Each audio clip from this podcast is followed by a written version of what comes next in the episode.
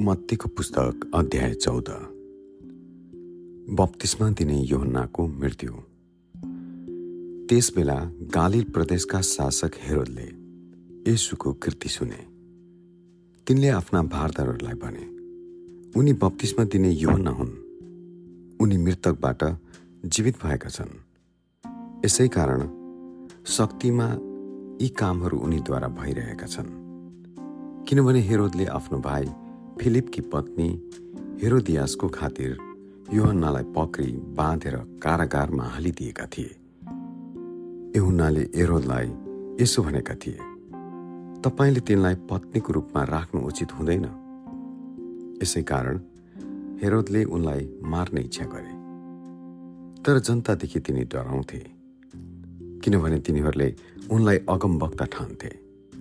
तर जब हेरोदको जन्मदिन आयो तब हेरोदियासकी छोरीले तिनीहरूका बीचमा नाचेर हेरोदलाई प्रसन्न तुल्याए। त्यसो हुँदा तिनले त्यसलाई जे मागे दिने पनि शपथ खाएर प्रतिज्ञा गरे। तर त्यसकी आमाले सिकाएकी हुनाले त्यसले भनी बत्तिसमा दिने योहन्नाको शिर मलाई यही थालमा दिनुहोस्। तब राजा शोकित भए। तापनि आफ्ना शपथ र अतिथिहरूको कारण तिनले त्यसै गर्ने हुकुम दिए र तिनले कारागारमा युहनाको शिर काट्न लगाए अनि उनको शिर थालमा ल्याएर त्यस ठिटीलाई दिइयो। त्यसले त्यो आफ्नी आमालाई ल्याए।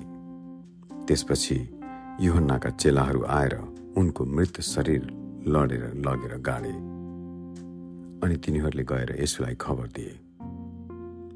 यसुले पाँच हजारलाई खुवाउनु भएको जब यसुले यो सुन्नुभयो उहाँ डुङ्गामा चढी त्यहाँबाट अलग्गै एउटा एकान्त ठाउँमा जानुभयो। यो सुनेपछि भिडले सहरहरूबाट पैदलै उहाँलाई पछ्यायो। किनार पुगेपछि त्यस ठुलो भिडलाई देखि उहाँले तिनीहरूलाई टिठाउनु भयो र तिनीहरूका बिरामीहरूलाई निको पार्नुभयो। साँझ परेपछि चेलाहरू यसो भन्दै उहाँ कहाँ आए? यो निर्जन ठाउँ छ। र दिन ढलिसक्यो। भिडलाई बिदा दिनुहोस्। र तिनीहरूले गाउँ गाउँमा गएर आफ्ना लागि खानेकुरा किनुन्। तर यसले तिनीहरूलाई भन्नुभयो तिनीहरूलाई जानु आवश्यकता छैन। तिमीहरूले नै यिनीहरूलाई खान देऊ। तिनीहरूले उहाँलाई भने यहाँ हामीहरूसित पाँच रोटी र दुई माछा मात्र छन्। तब उहाँले भन्नुभयो ती म कहाँ ल्याऊ? उहाँले भिडलाई घाँसमा बस्ने आज्ञा दिनुभयो र ती पाँच रोटी र दुई माछा लिएर स्वर्गतिर हेरी परमेश्वरलाई धन्यवाद दिनुभयो र रोटीहरू भाँचेर चेलाहरूलाई दिनुभयो र चेलाहरूले मानिसहरूलाई दिए। ती सबैले खाएर तृप्त भए र उब्रेका टुक्राहरू तिनीहरूले बाह्र डाली भरि उठाए। स्त्रीहरू र केटाकेटीहरू बाहेक खानेहरू प्राय पाँच हजार पुरुषहरू थिए। यसु पानीमाथि हिँड्नु भएको उहाँले भिडलाई विदा गर्नुहुँदा चेलाहरूलाई डुङ्गामा चढी उहाँभन्दा पहिले पारिपट्टि जान लाउनुभयो। भिडलाई विदा गरिसक्नु भएपछि उहाँ एक्लै प्रार्थना गर्न डाँडामा जानुभयो। साँझ पर्दा उहाँ एक्लै त्यहाँ हुनुहुन्थ्यो। तर डुङ्गा त्यति बेलासम्म किनारदेखि समुद्रका धेरै टाढा पुगिसकेको थियो। अनि हावा उल्टो भएको हुनाले डुङ्गा छालको चपेटामा पर्यो बिहान तिन बजेतिर उहाँ समुद्रमाथि हिँड्दै तिनीहरूका आइपुग्नु भयो जब चेलाहरूले उहाँलाई समुद्रमाथि हिँडिरहनु भएको देखे तब डराएर तिनीहरूले भने यो भूत हो। र तिनीहरू डरले चिच्चाए।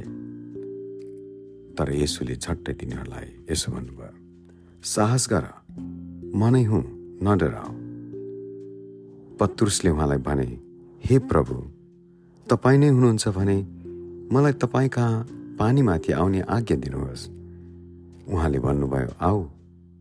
पत्रुस ढुङ्गाबाट ओर्लिएर यसु कहाँ जानलाई पानीमाथि हिँड्न लागे तर बतास जोडले चलेको देखेर तिनी डराए र जब दुवै डुब्नै लागे तब तिनले चिच्चाएर भने हे प्रभु मलाई बचाउनुहोस्। तब यसुले झट्टै हात पसारेर तिनलाई समातिहाल्नुभयो र तिनलाई भन्नुभयो ए अल्प विश्वासी किन शङ्का गर्यो?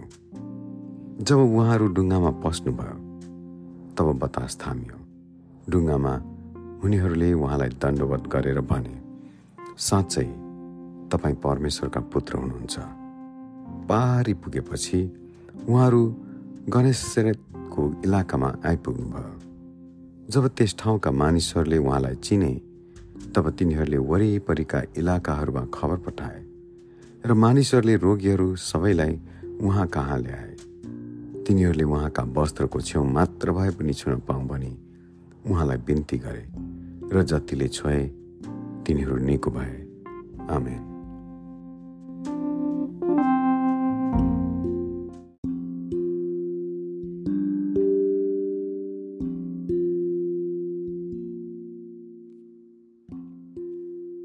मत्तीको पुस्तक अध्याय पन्ध्र। शुद्ध र अशुद्ध। एरुसलेमबाट आएका फरिसीहरू र शास्त्रीहरू यसो कहाँ आए र भने तपाईँका चेलाहरूले पुर्खाहरूको परम्परा किन भङ्ग गर्दछन्? किनकि तिनीहरू खान अघि आफ्ना हात धुँदैनन्? उहाँले तिनीहरूलाई भन्नुभयो। तिमीहरू पनि किन आफ्ना परम्पराको खातिर परमेश्वरको आज्ञा भङ्ग गर्दछौ? किनभने परमेश्वरले भन्नुभएको छ आफ्ना बुवा र आमाको आदर गर र बुवा वा आमाको विरुद्धमा दुष्ट कुरा जसले बोल्छ त्यो चाहिँ निश्चय नै मारिनुपर्छ। तर तिमीहरू चाहिँ भन्दछौ जसले आफ्ना बुवा वा आमालाई भन्छ तपाईँले मबाट जे प्राप्त गर्न सक्नुहुन्छ। त्यो परमेश्वरलाई चढाइएको छ। त्यसले आफ्ना बुवाको आदर गर्नु पर्दैन। यसरी तिमीहरूले आफ्नो परम्पराको खातिर परमेश्वरको वचनलाई बेकममा गराइएका छौ। ढङ्गी हो। यसैयाले तिमीहरूका विषयमा ठिकै अगमाडी बोले। यस जातिले मलाई ओठले मात्र आदर गर्दछ। तर तिनीहरूको हृदय मबाट टाढा छ। तिनीहरू व्यर्थमा मेरो उपासना गर्दछन्। तर तिनीहरूका शिक्षा मानिसहरूले सिकाएका विधि मात्र हुन्। उहाँले मानिसहरूलाई आफू कहाँ बोलाउनु भयो र तिनीहरूलाई भन्नुभयो सुन र बुझ। जे मुखभित्र पत्छ त्यसले मानिसलाई अशुद्ध पार्दैन। तर जे मुखबाट बाहिर निस्कन्छ त्यसैले मानिसलाई अशुद्ध पार्दछ। यसपछि चेलाहरू आए र उहाँलाई भने के तपाईँलाई थाहा छ फरिसीहरू तपाईँका कुरा सुनेर छिडिएका छन्। तर उहाँले भन्नुभयो स्वर्गमा हुनुहुने मेरा पिताले नरोप्नु भएको भए हरेक बोट उखेलिने छ। तिनीहरूलाई छोडिदियो। ती अन्धा अगुवाहरू हुन्। अन्धाले अन्धालाई डोर्यायो भने ती दुवै खाल्डोमा पर्नेछन्। पत्रुसले उहाँलाई भने हामीलाई यस दृष्टान्तको अर्थ बताइदिनुहोस्। उहाँले भन्नुभयो के तिमीहरू पनि अझै बुझ अबुझ छौ? के तिमीहरूलाई थाहा छैन जे मुखभित्र पस्छ त्यो पेटमा गइहाल्छ र बाहिर निस्किहाल्छ? तर जुन कुरा मुखबाट बाहिर आउँदछन् ती हृदयबाट निस्कन्छन् र तिनैले मानिसलाई अशुद्ध तुल्याउँछन्। किनकि हृदयबाट नै खराब विचार हत्या परस्थित गमन बेविचार चोरी झुटो गवाई र निन्दा बाहिर निस्कन्छन्। यी कुराहरूले चाहिँ मानिसलाई अशुद्ध पार्छन्। तर हात नधोइ खानाले उसलाई अशुद्ध पार्दैन। कनानी स्त्रीको विश्वास। तब यसो त्यहाँबाट निस्कनुभयो र टुरोस र सिदोनका इलाकातिर जानुभयो। त्यस इलाकाबाट एउटी कनानी स्त्री आएर कराउँदै भन्न लागे हे प्रभु दाउदका पुत्र म माथि दया गर्नुहोस्। मेरी छोरीलाई भूतले साह्रै सताएको छ। यसुले त्यसलाई केही जवाब दिनु भएन। उहाँका चेलाहरूले आएर उहाँलाई बिन्ती गरे। यसलाई विदा गर्नुहोस् किनभने त्यो कराउँदै हाम्रो पछि लागिरहेछ। उहाँले भन्नुभयो म इजरायल जातिका हराएका भेडाहरूका निम्ति मात्र पठाइएको हुँ। तर यो स्त्री चाहिँ आएर उहाँको अघि घोप्टो परेर भनी हे प्रभु मलाई सहायता गर्नुहोस्। उहाँले भन्नुभयो बालकहरूको रोटी लिएर कुकुरहरूलाई फालिदिनु ठिक हुँदैन। स्त्रीले भनी हो प्रभु। तर कुकुरहरूले पनि त आफ्ना मालिकको टेबलबाट झरेका टुक्रा टाक्री खान्छन्। तब यसुले त्यसलाई जवाब दिएर भन्नुभयो ए नारी तिम्रो विश्वास ठुलो रहेछ। तिमीले इच्छा गरे बमोजिम तिमीलाई होस्। त्यसकी छोरी त्यस घडी निको भइहाले। यसुले चार हजारलाई खुवाउनु भएको यसु त्यहाँबाट निस्केर गालिल समुद्रको किनार भएर जानुभयो र पहाडमाथि उक्लेर त्यहाँ बस्नुभयो। तब ठुल्ठुला भिड उहाँ कहाँ आए र तिनीहरूले साथमा ल्याएका लङ्गडा लुला अन्धा गुङ्गा र अरू धेरैलाई उहाँका चरणमा राखिदिए अनि उहाँले तिनीहरूलाई निको पारिदिनु भयो यहाँसम्म कि गुङ्गाहरू बोलेका लुलाहरू निको भएका लङ्गडा हिँडेका र अन्धाहरूका आँखा खोलिएका देखेर मानिसहरू छक्क परे र तिनीहरूले इजरायलका परमेश्वरको महिमा गरे। तब यसुले आफ्ना चेलाहरूलाई आफू कहाँ बोलाएर भन्नुभयो म यस भिडलाई टिठ्याउँछु किनभने यिनीहरू मसँग रहेका आज तिन दिन भयो अनि यिनीहरूसित खानलाई केही छैन। यिनीहरूलाई भोकै पठाउनु म चाहन्न नत्र त तिनीहरू बाटोमा लखत्रान होलान्। चेलाहरूले उनीहरूलाई भने यस्तो ठुलो भिडलाई यस निर्जन ठाउँमा खुवाउनु हामीले कहाँबाट यति धेरै रोटी पाउने? यसोले तिनीहरूलाई भन्नुभयो तिमीहरूसित कतिवटा रोटी छन्? तिनीहरूले भने सातवटा रोटी र केही ससाना माछा छन्। उहाँले भिडलाई भुइँमा बस्ने आज्ञा दिनुभयो। उहाँले ती सात रोटी र माछा लिएर धन्यवाद चढाउनु भएपछि भाँचेर चेलाहरूलाई दिनुभयो अनि चेलाहरूले मानिसहरूलाई दिए। तिनीहरू सबैले खाएर तृप्त भए र उब्रिएका टुक्राहरू तिनीहरूले सात डालाभरि उठाए। स्त्रीहरू र केटाकेटीहरूलाई बाहेक खानेहरू चार हजार पुरुषहरू थिए। तब भिडलाई विदा गरिसकेपछि उहाँ डुङ्गामा चढ्नुभयो र मगादानको इलाकातिर जानुभयो। आमेन।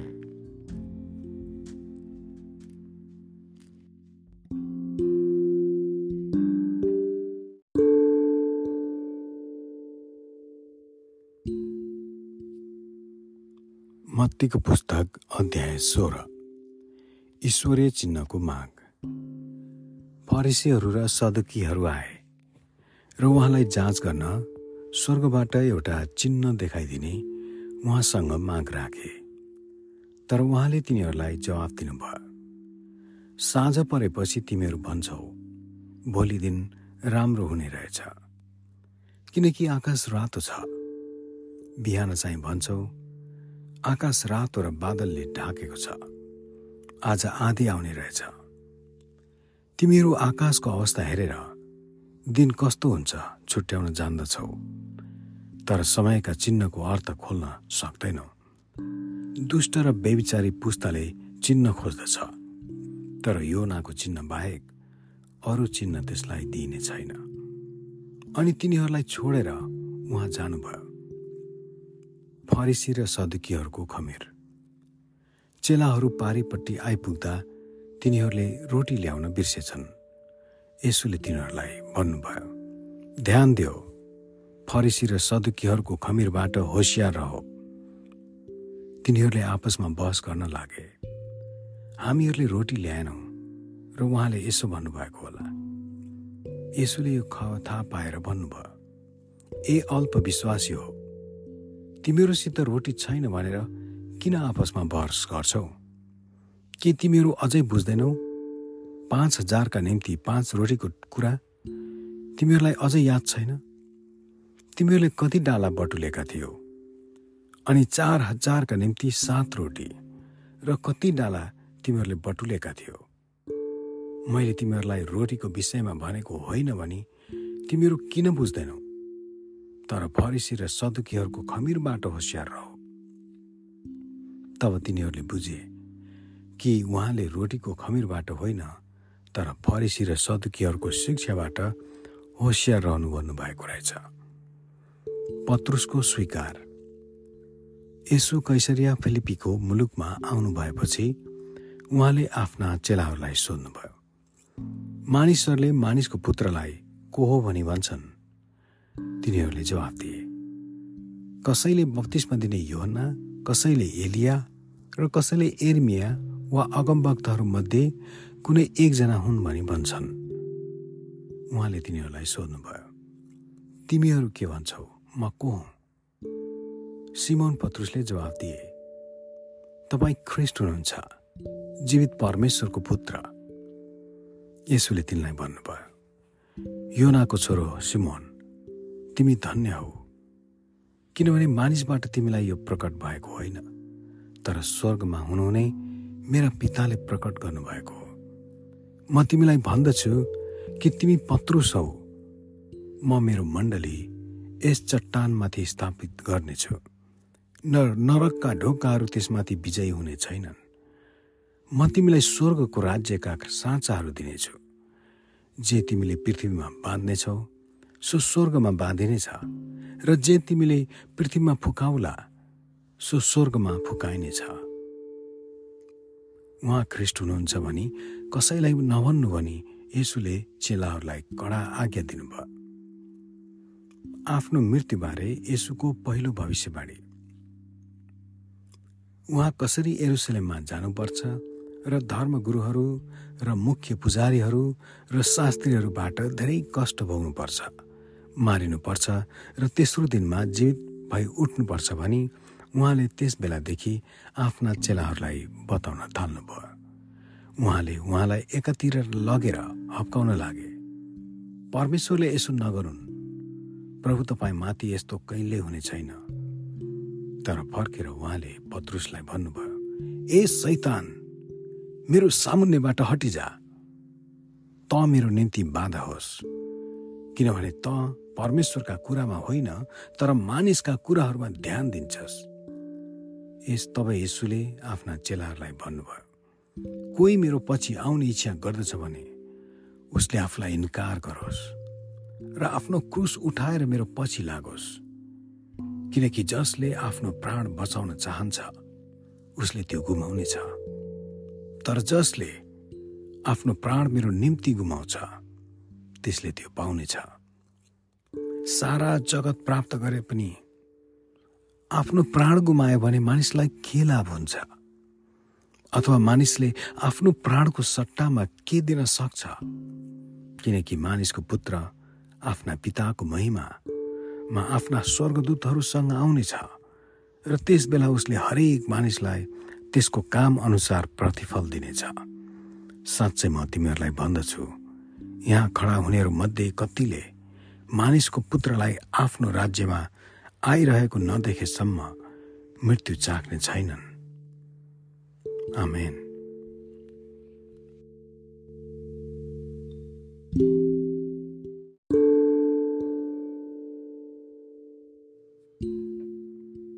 मत्तीको पुस्तक अध्याय सत्र।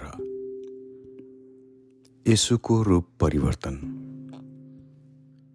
यसको छ दिनपछि यसुले पत्रुस याकु र तिनका भाइ यौनालाई आफूसँग एउटा उच्च पहाडमाथि अलग्गै लैजानुभयो। तिनीहरूका सामुन्ने उहाँको रूप परिवर्तन भयो। उहाँको चेहरा सूर्य झैँ चम्कियो र उहाँका वस्त्र प्रकाश चाहिँ सेता भए। अनि मोसा र एलिया उहाँसँग बातचित गरिरहेका देखा परे। पत्रुसले यीशुलाई भने हे प्रभु हामी यहाँ भएको असल छ। तपाईँको इच्छा भए म यहाँ तिनवटा वासस्थान बनाउने छु एउटा तपाईँको निम्ति एउटा मोसाको निम्ति र एउटा एलियाको निम्ति। तिनीहरू बोल्दा बोल्दै चम्किलो बादलले तिनीहरूलाई ढाकिहाल्यो र त्यस बादलबाट एउटा आवाज आयो यिनी मेरा प्रिय पुत्र हुन्। यिनीसँग म अति प्रसन्न छु। यिनको कुरा सुन। जब चेलाहरूले यो सुने तब तिनीहरू अति भयभीत भएर घोप्टो परे। तर यसुले आएर तिनीहरूलाई छोएर भन्नुभयो उठ न डराओ जब तिनीहरूले आफ्ना आँखा उचाले बाहेक तिनीहरूले अरूलाई कसैलाई देखेनन्। जब उहाँहरू पहाडबाट ओर्लदै हुनुहुन्थ्यो यसुले तिनीहरूलाई आज्ञा गर्नुभयो जबसम्म मानिसको पुत्र मृतकबाट जीवित भई उठ्दैन तबसम्म तिनीहरूले यो दर्शनको कुरा कसैलाई नभन्नु। अनि चेलाहरूले उहाँलाई यसो भनेर सोधे तब किन शास्त्रीहरूले पहिले एलिया आउनुपर्छ भनी भन्छन्? उहाँले तिनीहरूलाई भन्नुभयो एलिया साँच्चै नै आउँछन् र तिनले सबै कुरा फेरि सच्याउने छन् तर म तिमीहरूलाई भन्दछु एलिया अघि नै आएका छन् अनि मानिसहरूले तिनलाई चिनेनन्। तर तिनलाई तिनीहरूले मनमानी गरे। त्यसरी नै मानिसको पुत्रले पनि तिनीहरूका हातबाट कष्ट भोग्नुपर्छ। तब उहाँले बप्तिस्मा दिने योहन्नाको विषयमा तिनीहरूलाई भन्नुभएको हो भनी चेलाहरूले बुझे।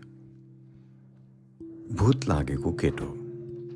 तब उहाँहरू भिड भएको ठाउँमा आउनु भएपछि एकजना मानिसले उहाँको सामु आई घुँडा टेकेर भन्यो प्रभु मेरो छोरामाथि दया गर्नुहोस् किनकि त्यसलाई छारे रोग लागेको छ र ठुलो कष्ट भोग्दैछ। त्यो कहिले आगोमा पर्छ कहिले पानीमा पस्छ मैले त्यसलाई तपाईँका चेलाहरू कहाँ ल्याएँ तर तिनीहरूले त्यसलाई निको पार्न सकेनन्। यसुले भन्नुभयो ए अल्पविश्वासी र भ्रष्ट पुस्ता कहिलेसम्म म तिमीहरूका साथमा रहनेछु? कहिलेसम्म मैले तिमीहरूलाई सहनु त्यसलाई म कहाँ ल्याऊ यसुले त्यसलाई हप्काउनु भयो र भूतात्मा त्यसबाट निस्किगयो। त्यो केटो तुरुन्तै निको भयो। तब चेलाहरूले यसु कहाँ गुप्तमा आएर भने हामीहरूले त्यसलाई किन निकाल्न सकेनौँ? उहाँले तिनीहरूलाई भन्नुभयो तिमीहरूका अल्पविश्वासको कारणले हो। साँच्चै म तिमीहरूलाई भन्दछु कि तिमीहरूमा एउटा रायको दाना जति विश्वास भएदेखि यस पहाडलाई यहाँबाट हटिजा भन्यो भने त्यो हटिजानेछ। र तिमीहरूका निम्ति केही असम्भव हुने छैन। तापनि यस किसिमको भूत चाहिँ प्रार्थना र उपवासमा बिना निस्कँदैन।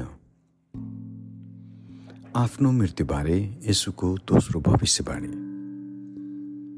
उहाँहरू गालिलमा भेला हुँदा यसुले तिनीहरूलाई भन्नुभयो मानिसको पुत्र मानिसहरूका हातमा सुम्पिदिनेछ अनि तिनीहरूले उसलाई मार्नेछन्। तर तेस्रो दिनमा ऊ जीवित भई उठ्नेछ। अनि तिनीहरू अत्यन्त दुखी भए। मन्दिरको कर।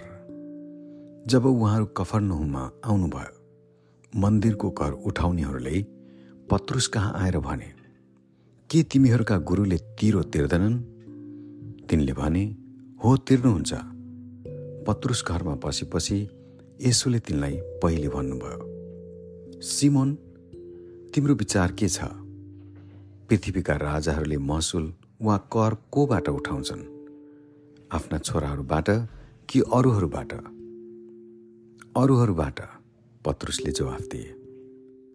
यसोले तिनलाई भन्नुभयो उसो भए छोराहरूले त छुट पाएका रहेछन्। तर तिनीहरू हामीबाट न नटिकाउँ भने हेतुले समुद्रमा गएर बल्छ्यान र पहिले परेको माछा ल्याऊ। त्यसको मुख खोल्दा तिमीले एउटा चाँदीको सिक्का पाउनेछौ। त्यो लगेर तिम्रो र मेरो निम्ति तिनीहरूलाई देऊ। आमेन।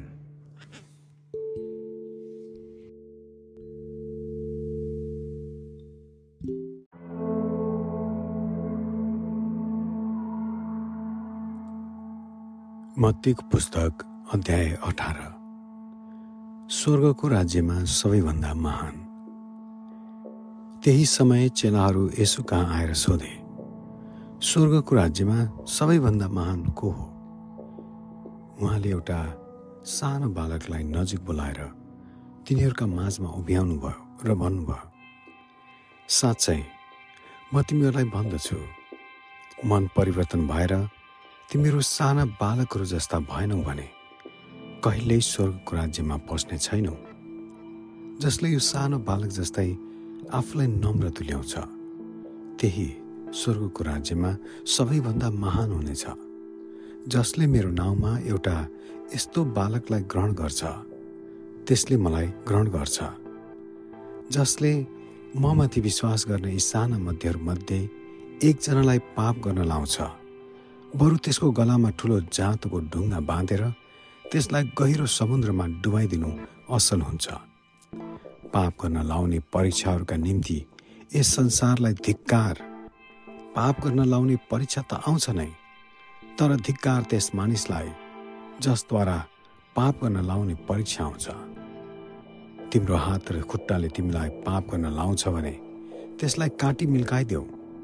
दुवै हात वा दुवै खुट्टा साथ अनन्त आगोमा फालिनुभन्दा त बरु लुलो वा लङ्गडो भएर जीवनभित्र पस्नु तिम्रो निम्ति असल हुन्छ। तिम्रो आँखाले तिमीलाई पाप गर्न लाउँछ भने त्यसलाई निकालेर फालिदेऊ। दुवै आँखा साथ नरकको आगोमा फालिनुभन्दा त बरु कानो भएर जीवनभित्र पस्नु तिम्रो निम्ति असल हुन्छ। हराएको भेडाको दृष्टान्त। होसियार रह। तिमीहरूलाई यी सानाहरूमध्ये एकजनालाई पनि हेला नगर। किनभने म तिमीहरूलाई भन्दछु। स्वर्गमा तिनीहरूका दूतहरूले स्वर्गका मेरा पिताको दर्शन सदैव गरिरहन्छन्। किनभने मानिसको पुत्र हराएकालाई बचाउन आएको हो। तिमीहरू के विचार गर्छौ?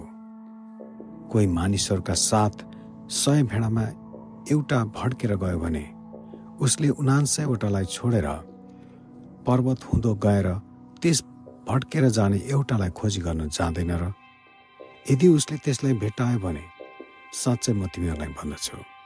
ती भड्केर नजाने उनान्सयभन्दा त्यस एउटाको लागि बढी रमाउनेछ यसरी नै स्वर्गमा हुनुहुने तिमीहरूका पिताको यो इच्छा छ कि यी सानाहरूमध्ये एकजना पनि नष्ट नहोस्। अपराध गर्ने भाइ तिम्रो भाइले तिम्रो विरुद्धमा अपराध गर्यो भने गएर तिमीहरू दुई मात्र हुँदा त्यसको दोष देखाइदेऊ। त्यसले तिम्रो कुरा सुन्यो भने तिम्रो भाइ आफ्नो भयो। तर त्यसले सुनेन भने आफ्नो साथ अरू एक दुईजनालाई लैजाऊ र दुई अथवा तिन साक्षीद्वारा प्रत्येक कुरा पक्का होस्। यदि त्यसले तिनीहरूका कुरा पनि सुन्न इन्कार गर्यो भने मण्डलीलाई भन। त्यसले मण्डलीको कुरा पनि सुन्न इन्कार गर्यो भने त्यो तिम्रो लागि विधर्मी र कर उठाउने सरह होस्। साँच्चै म तिमीहरूलाई भन्दछु। तिमीहरूले पृथ्वीमा जे बाँध्दौ त्यो स्वर्गमा बाँधिनेछ। अनि तिमीहरूले पृथ्वीमा जे फुकाउँछौ त्यो स्वर्गमा फुकाइनेछ। फेरि म तिमीहरूलाई भन्दछु। पृथ्वीमा तिमीहरूमध्ये दुईजना कुनै एउटा कुरामा सहमत भई केही माग्यो भने त्यो स्वर्गका मेरा पिताद्वारा तिमीहरूका निम्ति हुनेछ। किनकि जहाँ दुई कि तिनजना मेरो नाउँमा भेला हुन्छन् त्यहाँ म तिनीहरूका माझमा हुनेछु। निर्दय नोकरको दृष्टान्त। तब उहाँका आएर पत्रुसले भने प्रभु मेरो भाइले कतिपल्ट मेरो विरुद्धमा अपराध गरे मैले त्यसलाई क्षमा गर्ने। के सातपल्ट? यसोले तिमीलाई भन्नुभयो। म तिमीलाई भन्दछु। सातपल्ट होइन तर सत्तरी गुणा सातपल्ट यसकारण स्वर्गको राज्य एउटा राजासँग तुलना गर्न सकिन्छ जसले आफ्नो नोकरहरूसँग हिसाब लिने इच्छा गर्छ। जब तिनले हिसाब लिन लागे दस हजार सुनका सिक्का ऋण लिने एकजना तिनी कहाँ ल्याइयो। तर त्यस मानिसले तिर्न नसक्दा त्यसका मालिकले त्यसलाई र त्यसका पत्नी र छोराछोरी र त्यसका सबै थोक बेची ऋण चुकाउने हुकुम दिए। तब त्यस नोकरले घुँडा टेकी तिनका पाउमा परेर भन्न लाग्यो मालिक म माथि धैर्य गर्नुहोस्। म तपाईँको सबै ऋण चुकाउनेछु। तर त्यस नोकरका मालिकले टिठ्याएर त्यसलाई छोडिदिए र त्यसको ऋण माफी गरिदिए। तर त्यस नोकरले निस्केर जाँदा आफ्नो सङ्गी नोकरहरूमध्ये एकजनालाई भेट्यो जो त्यसको एक सय चाँदीका सिक्काको ऋणी थियो। उसलाई घोक्रोमा पक्रेर त्यसले भन्यो तेरो ऋण तिरिहाल तर त्यसको सङ्गी नोकरले घोप्टो परेर त्यसलाई बिन्ती गर्यो म माथि धैर्य गर म तिमीलाई सबै तिरिदिनेछु। तर त्यो मानेन र गएर ऋण नतिरुन्जेलसम्म उसलाई झ्यालकानमा हालिदियो। त्यसका सङ्गी नोकरहरूले यी सब देखेर तिनीहरू अति दुखित भए। तिनीहरूले गएर यी सब घटना आफ्नो मालिकलाई बताइदिए। तब मालिकले त्यस नोकरलाई आफू कहाँ बोलाएर भने ए दुष्ट नोकर मैले तैँले मसँग बिन्ती गरिस् र मैले तँलाई तेरो ऋण माफी गरिदिएँ। मैले तँमाथि दया गरे चाहिँ तैँले पनि तेरो सङ्गीमाथि दया गर्नुपर्ने थिएन। तर त्यसका मालिकले क्रूर भएर त्यसलाई सबै ऋण दण्ड दिनेहरूका हातमा सुम्पिदिए। तिमीहरूले आफ्नो भाइलाई आफ्नो हृदयदेखि क्षमा गरेनौ भने स्वर्गमा हुनुहुने मेरा पिताले पनि तिमीहरूसँग त्यसै गर्नुहुनेछ। आमेन।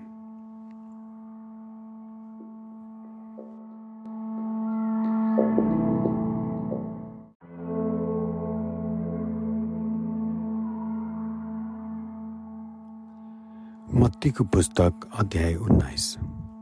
विवाह विच्छेद। यी कुरा बोल्नु भएपछि यसु गालिलबाट एर्दन पारे यहुदाको इलाकातिर जानुभयो। ठुला भिडहरू उहाँको पछि लागे र उहाँले त्यहाँ मानिसहरूलाई निको पार्नुभयो। फरिसीहरू उहाँ कहाँ आएर उहाँलाई जाँच गर्न भनी उहाँलाई सोधे के कसैले कुनै कारण पत्नीसँग विवाह विच्छेद गर्छ? त्यो उचित छ? तर उहाँले भन्नुभयो के तिमीहरूले पढेका छैनौ? कि सृष्टिकर्ताले तिनीहरूलाई सुरुमा नै नर र नारी बनाउनु भयो र भन्नुभयो यसै कारण मानिसले आफ्ना बुवा र आमालाई छोडेर आफ्नी पत्नीसँग मिलिरहन्छ र ती दुवैजना एक सय एउटै शरीर हुन्छन्। ती अब दुई होइनन् तर एउटै शरीर हुन्। यसकारण परमेश्वरले जसलाई एकसाथ जोड्नु भएको छ त्यसलाई कुनै मानिसले नछुट्याओस्। तिनीहरूले उहाँलाई भने मोसाले किन विवाह विच्छेदको त्यागपत्र दिएर पत्नीलाई त्याग्ने आज्ञा दिए? उहाँले तिनीहरूलाई भन्नुभयो तिमीहरूका हृदयको कठोरताले गर्दा नै हो। मोसाले पत्नीलाई त्याग गर्ने अनुमति तिमीहरूलाई दिएका हुन्। तर सुरुदेखि यस्तो थिएन। म तिमीहरूलाई भन्दछु जसले बेविचारको कारण बाहेक आफ्नी पत्नीलाई त्यागेर अर्कीसँग विवाह गर्छ। त्यसले बेविचार गर्दछ। अनि जसले त्यागिएकीलाई विवाह गर्छ त्यसले पनि बेविचार गर्दछ।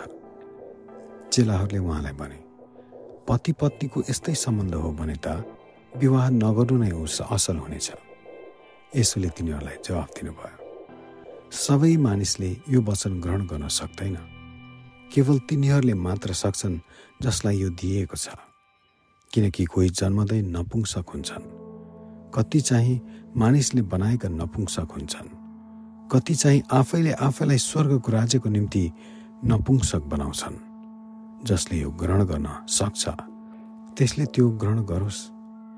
यसु र साना बालकहरू यसुले बालकहरूमाथि हात राखी प्रार्थना गरिदेऊ भनी मानिसहरूले तिनीहरूलाई उहाँ कहाँ ल्याए अनि उहाँका चेलाहरूले ती मानिसहरूलाई हप्काए। तर यसुले भन्नुभयो बालकहरूलाई म कहाँ आउन देऊ?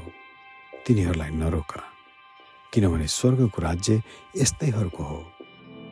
अनि बालकहरूमाथि हात राख्नु भएपछि उहाँ त्यहाँबाट जानुभयो। धनी युवक। उहाँ कहाँ आएर एकजनाले भने हे गुरु मैले अनन्त जीवन प्राप्त गर्नलाई के असल काम गर्नुपर्छ? उहाँले तिनलाई भन्नुभयो असल के हो? त्यस विषयमा तिमी मलाई किन सोध्छौ? असल त एउटै मात्र हुनुहुन्छ। तर तिमी जीवनमा प्रवेश गर्न इच्छा गर्दछौ भने आज्ञाहरू पालन गर। तिनले उहाँलाई भने कुन कुन चाहिँ?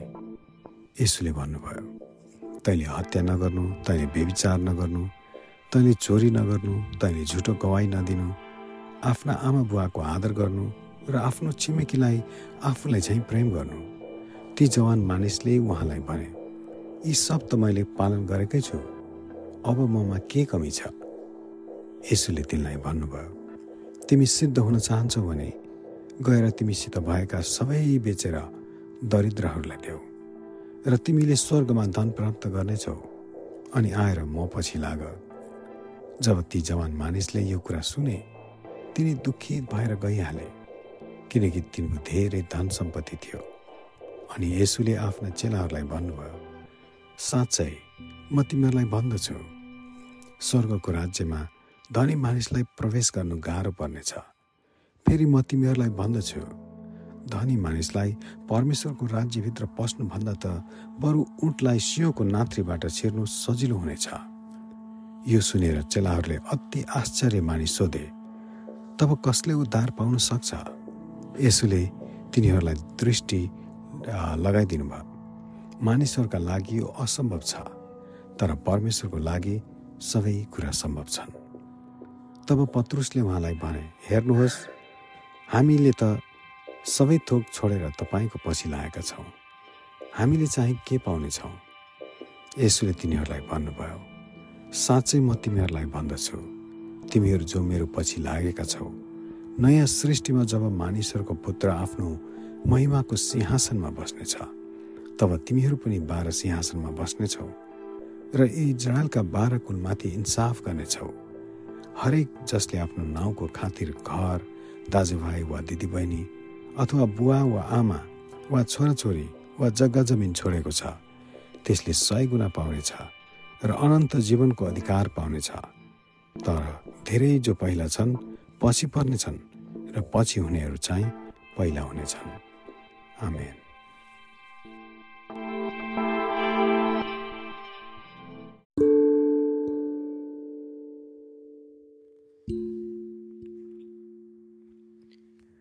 मत्तीको पुस्तक अध्याय बिस। दागबारीका खेतालाहरू।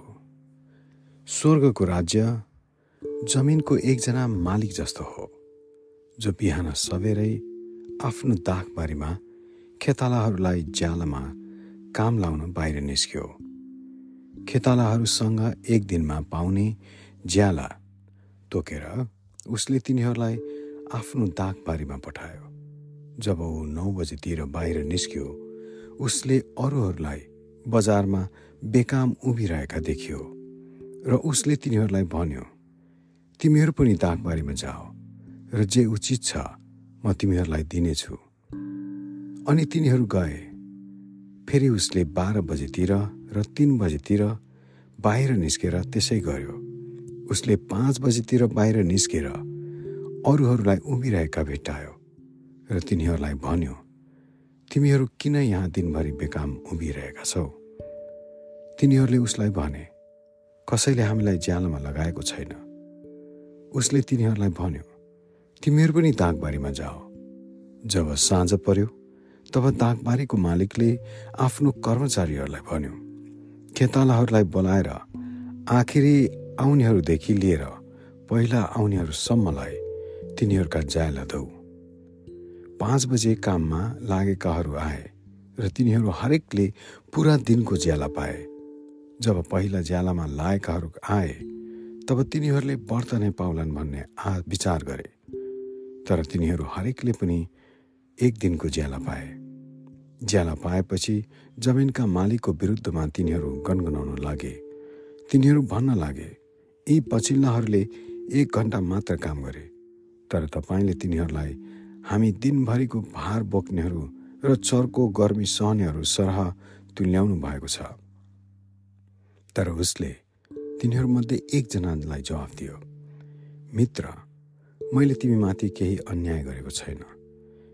के तिमीले मसँग पुरा एक दिनको ज्यालामा काम गर्ने कबुल गरेका होइनौ? तिम्रो पाउने ज्याला लिएर जाऊ। यस पछिल्लालाई पनि तिमीलाई दिए जति म दिन चाहन्छु। मेरो जति छ। त्यो म आफूले चाहे जस्तो गर्न सक्दिनँ र मेरो उदारतामा तिम्रो आँखा किन चल्ने यसरी नै पछिल्ला पहिला हुँदैछन् र पहिला पछिल्ला हुनेछन् आफ्नो मृत्युबारे यसोको तेस्रो भविष्यवाणी। एरुसेलमतिर जाँदै गर्नुहुँदा यसुले बाह्र चेलाहरूलाई अलग्ग लगेर बाटोमा तिनीहरूलाई भन्नुभयो हामी एरुसेलमतिर जाँदैछौँ। अब मानिसको पुत्र मुख्य पुजारी र शास्त्रीहरूका हातमा सुम्पिदिनेछ र तिनीहरूले उसलाई मृत्युदण्डको दोषी तुर्याउँछ उसलाई गिल्ला गर्न कोरा लाउन र क्रुसमा टाङ्न भनी तिनीहरूले उसलाई अन्य जातिहरूका हातमा सुम्पनेछन् र तेस्रो दिनमा ऊ जीवित भई उठ्नेछ। आमाको बिन्ती। तब जब्दियाका छोराहरूकी आमाले आफ्ना छोराहरूलाई साथमा लिई उहाँको सामुन्ने घुँडा टेकी र उहाँसँग बिन्ती गरिन्। उहाँले तिनलाई सोध्नुभयो तिमी के चाहन्छौ? तिनले उहाँलाई भनिन् आज्ञा गर्नुहोस् र तपाईँको राज्यमा मेरा यी दुई छोराहरूमध्ये एउटा तपाईँको दाहिनेपट्टि र अर्को तपाईँको देब्रेपट्टि बस्न पाउन्। तर यसुले जवाफ दिनुभयो तिमीहरू के मागिरहेछौ सो जान्दैनौ। जुन कचौरा मैले पिउन लागेको छु के त्यो तिमीहरू पिउन सक्छौ? तिनीहरूले भने सक्छौ। उहाँले भन्नुभयो मेरो कचौरा तिमीहरू पिउने छौ तर मेरो दाहिने र देब्रेपट्टि बस्न दिने कुरो मेरो हातमा छैन। यी स्थान तिनीहरूका हुन् जसका निम्ति मेरा पिताले तयार गरिसक्नु भएको छ। यो सुनेर दसैँजना ती दुई भाइसँग रुष्ट भए। तर यसुले तिनीहरूलाई आफू कहाँ बोलाएर भन्नुभयो?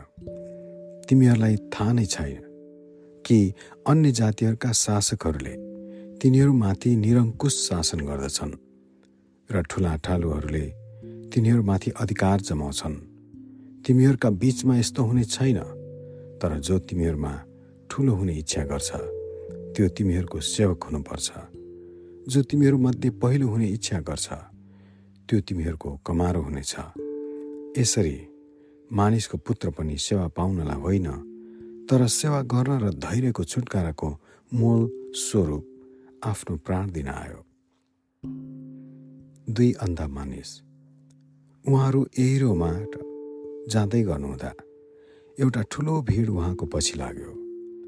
बाटोको छेउमा बसिरहेका दुईजना अन्धाहरूले यसो त्यो बाटो जाँदै हुनुहुन्छ भन्ने सुनेर यसो भनी चिच्चाए हे प्रभु दाउदका पुत्र हामी माथि दया गर्नुहोस्।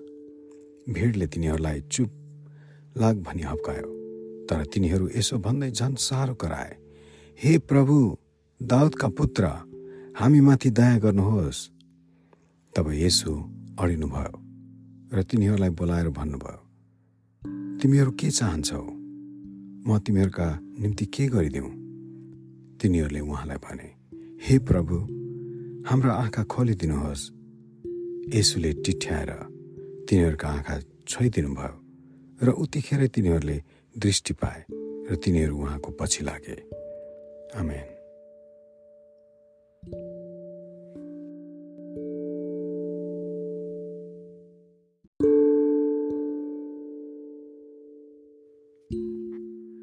मत्तीको पुस्तक अध्याय एक्काइस। एरुसलेममा यसुको विजय प्रवेश। जब उहाँहरू एरुसलेमको नजिक जैतुन डाँडाको बेतफागेमा आइपुग्नुभयो तब यसुले दुईजना चेलाहरूलाई यसो भनेर पठाउनु भयो तिमीहरू सामुन्नेको गाउँमा जाओ। त्यहाँ पुग्ने बित्तिकै तिमीहरूले एउटा गधा र त्यसको बछेडो बाँधिएको भेटाउनेछौ। तिनलाई फुकाएर म कहाँ ल्याऊ कसैले तिमीहरूलाई केही भन्यो भने प्रभुलाई यिनको जरुरत छ भन्नु र त्यसले तुरन्तै ती पठाइदिनेछ। अगमवक्ताद्वारा बोलिएको वचन पुरा होस् भनेर यो भएको हो। सियोनकी छोरीलाई भन हे तिम्रा राजा तिमी कहाँ आउँदैछन्? विनम्र भई गधामाथि सवार भएर गधाको बच्चा एउटा बछेडामाथि तब चेलाहरू गए र यसोले तिनीहरूलाई अगाडि जस्त बमोजिम गरे। तिनीहरूले गधा र त्यसको बच्चा ल्याए र ती माथि आफ्ना लुगाफाटा ओछ्याए र उहाँ त्यसमाथि बस्नुभयो। भिडमा धेरैले आफ्ना वस्त्र बाटोमा ओछ्याए र अरूहरूले रुखका हाँगा काटेर बाटोमा बिछाइदिए। उहाँको अघि पछि लागेका भिड यसो भन्दै कराए दाउदका पुत्रलाई होसन्ना धन्य उहाँ जो परमप्रभुको नाउँमा आउनुहुन्छ परमधाममा होसन्ना। जब उहाँ एरुसलेममा प्रवेश गर्नुभयो सारा सहरमा हलचल मच्यो। मानिसहरूले सोध्न लागे यिनी को हुन्? भिडका मानिसहरूले जवाफ दिए यिनी गालिलको नासरतबाट आएका अगमवक्ता यसु हुन्। यसु मन्दिरमा यसु परमेश्वरको मन्दिरमा प्रवेश गर्नुभयो अनि उहाँले मन्दिरमा किनबेच गर्ने सबैलाई धपाउनु भयो र पैसा साट्नेहरूका टेबल र परेवा बेच्नेहरूका आसन पल्टाइदिनु भयो। उहाँले तिनीहरूलाई भन्नुभयो यो लेखिएको छ। मेरो घर प्रार्थनाको घर कहलाइनेछ तर तिमीहरूले यसलाई डाकुहरूको अड्डा बनाएका छौ। अन्धा र लङ्गडाहरू मन्दिरमा उहाँ कहाँ आए? र उहाँले तिनीहरूलाई निको पार्नुभयो तर जब मुख्य पुजारीहरू र शास्त्रीहरूले चाहिँ उहाँले गर्नुभएका अचम्मका काम देखे र केटाकेटीहरूले मन्दिरमा दाउदका पुत्रलाई होसन्ना भन्दै चिच्चाएका सुने तब तिनीहरू क्रोधित भए र उनीहरूले उहाँलाई भने सुन्दैछौ यिनीहरूले के भनिरहेका छन्? तब यसुले तिनीहरूलाई भन्नुभयो हो सुन्दैछु। के तिमीहरूले पढेका छैनौ। शिशुहरू र दुधे बालकहरूका ओठबाट तपाईँले आफ्नो प्रशंसा निकाल्नु भएको छ। तब तिनीहरूलाई छोडेर उहाँ सहरबाट निस्कि बेथानियामा गई त्यहाँ बास गर्नुभयो। अन्जिरको बोट बिहान सहरतिर पर फर्कनु हुँदा उहाँ भोकाउनु भयो बाटोको किनारमा उहाँले एउटा अन्जिरको बोट देख्नुभयो। उहाँ त्यस बोटको छेउमा आउनुभयो। र त्यसमा पात बाहेक अरू केही पाउनु भएन। तब उहाँले त्यसलाई भन्नुभयो अब उपरान्त तमा कहिल्यै फल नफलोस्। र त्यो अन्जिरको रुख तुरुन्तै ओइलाइहाल्यो। यो देखेर चेलाहरूले अचम्म मानेर भने यो अन्जिरको बोट कसरी तुरुन्तै ओइलाइहाल्यो? यसुले जवाफ दिएर तिनीहरूलाई भन्नुभयो साँच्चै म तिमीहरूलाई भन्दछु। तिमीहरूमा विश्वास छ र कहिल्यै शङ्का गरेन भने अन्जिरको बोटलाई जे गरियो भनी त्यति मात्र होइन तर यस डाँडालाई पनि उखेलेर समुद्रमा खस भन्यो भने त्यो हुनेछ। विश्वास गरेर प्रार्थनामा जे माग्छौ त्यो तिमीहरूले पाउनेछौ यसुको अधिकारमा शङ्का। उहाँ मन्दिरमा प्रवेश गर्नुभयो। अनि उहाँले शिक्षा दिनुहुँदा मुख्य पुजारीहरू र जनताका धर्मगुरुहरू उहाँ कहाँ आए र भने कुन अधिकारले तिमी यी कामहरू गर्छौ? र कसले तिमीलाई यो अधिकार दियो? यसुले तिनीहरूलाई जवाफ दिनुभयो म पनि तिमीहरूलाई एउटा प्रश्न सोध्छु। मलाई त्यसको उत्तर दियो भने म कुन अधिकारले यी काम गर्दछु सो म तिमीहरूलाई बताउने छु एउन्नाको बत्तिसमा कहाँबाट भयो? स्वर्गबाट कि मानिसहरूबाट तिनीहरू आपसमा यसो भन्दै बहस गर्न लागे। स्वर्गबाट भनौँ भने तिनले उसो भए तिमीहरूले उनलाई किन विश्वास गरेनौ भन्ने छन्। तर मानिसहरूबाट भनौँ भने हामीलाई मानिसहरूको डर छ। किनभने सबैले योहन्नलाई अगमवक्ता हुन् भनी मान्छन्। यसकारण तिनीहरूले यसुलाई जवाफ दिए। हामीलाई थाहा छैन। उहाँले तिनीहरूलाई भन्नुभयो। म पनि कुन अधिकारले काम गर्दछु सो तिमीहरूलाई भन्दिन। दुई छोराको दृष्टान्त। तिमीहरू के विचार गर्दछौ? एकजना मानिसका दुई छोरा थिए। उसले पहिलो कहाँ आएर भन्यो छोरो गएर आज दागबारीमा काम गरिदे। त्यसले जवाफ दियो म जान्न। तर पछिबाट पछुताएर गयो। दोस्रो कहाँ आएर उसले त्यसै भन्यो त्यसले जवाफ दियो म जान्छु। तर गएन। अब यी दुईमा कुन चाहिँले बाबुकी इच्छा पुरा गर्न पालन गर्यो? तिनीहरूले जवाफ दिए पहिलो चाहिँले। यसुले तिनीहरूलाई भन्नुभयो साँच्चै म तिमीहरूलाई भन्दछु। कर उठाउनेहरू र बेस्याहरू तिमीहरूभन्दा अघि परमेश्वरको राज्यमा प्रवेश गर्छन्। किनकि यहुन्ना तिमीहरूका धार्मिकताको मार्ग देखाउन आए। तर तिमीहरूले उनीमाथि विश्वास गरेनौ। तर कर उठाउनेहरू र वेश्याहरूले उनीमाथि विश्वास गरे। तिमीहरूले यो देखेर पनि पश्चाताप गरेनौ अनि उनीमाथि विश्वास गरेनौ। मोहीको दृष्टान्त। अर्को दृष्टान्त सुन। कोही एकजना गृहस्थी थिए जसले एउटा दाग पारी लगाए र त्यसको वरिपरि बार लगाएर त्यहाँ दाग पेल्ने एउटा कोल राखे। र एउटा मचान बनाए। तब मोहीहरू त्यसको ठेक्का लिई उनी प्रवेश प्रदेश लागे। तब फलको समय नजिक आयो। उनले मोहीहरू कहाँ फलको आफ्नो हिस्सा माग्न नोकरहरू पठाए तर मोहीहरूले उनका नोकरहरूलाई समाते एउटालाई पिटे अर्कोलाई मारे र अर्कालाई ढुङ्गाले हाने फेरि उनले अघिको भन्दा बढी नोकरहरू पठाए। र तिनीहरूले यिनीहरूसँग पनि त्यस्तै व्यवहार गरे। मेरो छोरालाई त तिनीहरूले आदर गर्लान् भन्ने सोचेर अन्त्यमा उनले आफ्नो छोरालाई तिनीहरू कहाँ पठाए। तर मोहीहरूले छोराले देखेर आपसमा भने यो त उत्तराधिकारी हो।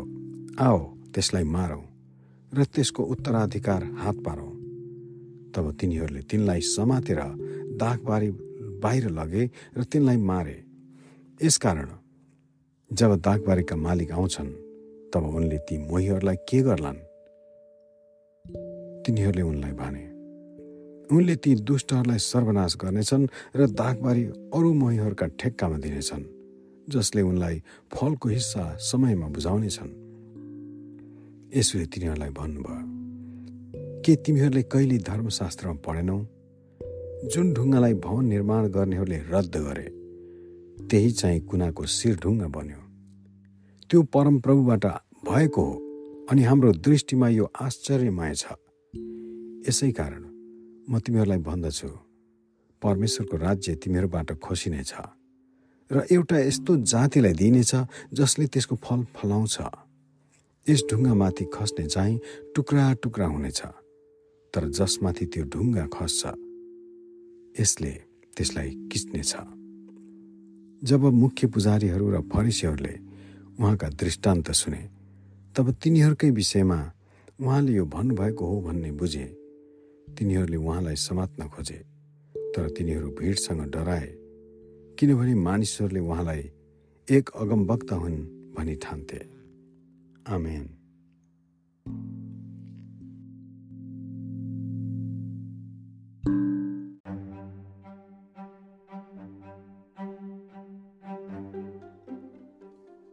मत्तीको पुस्तक अध्याय तेइस।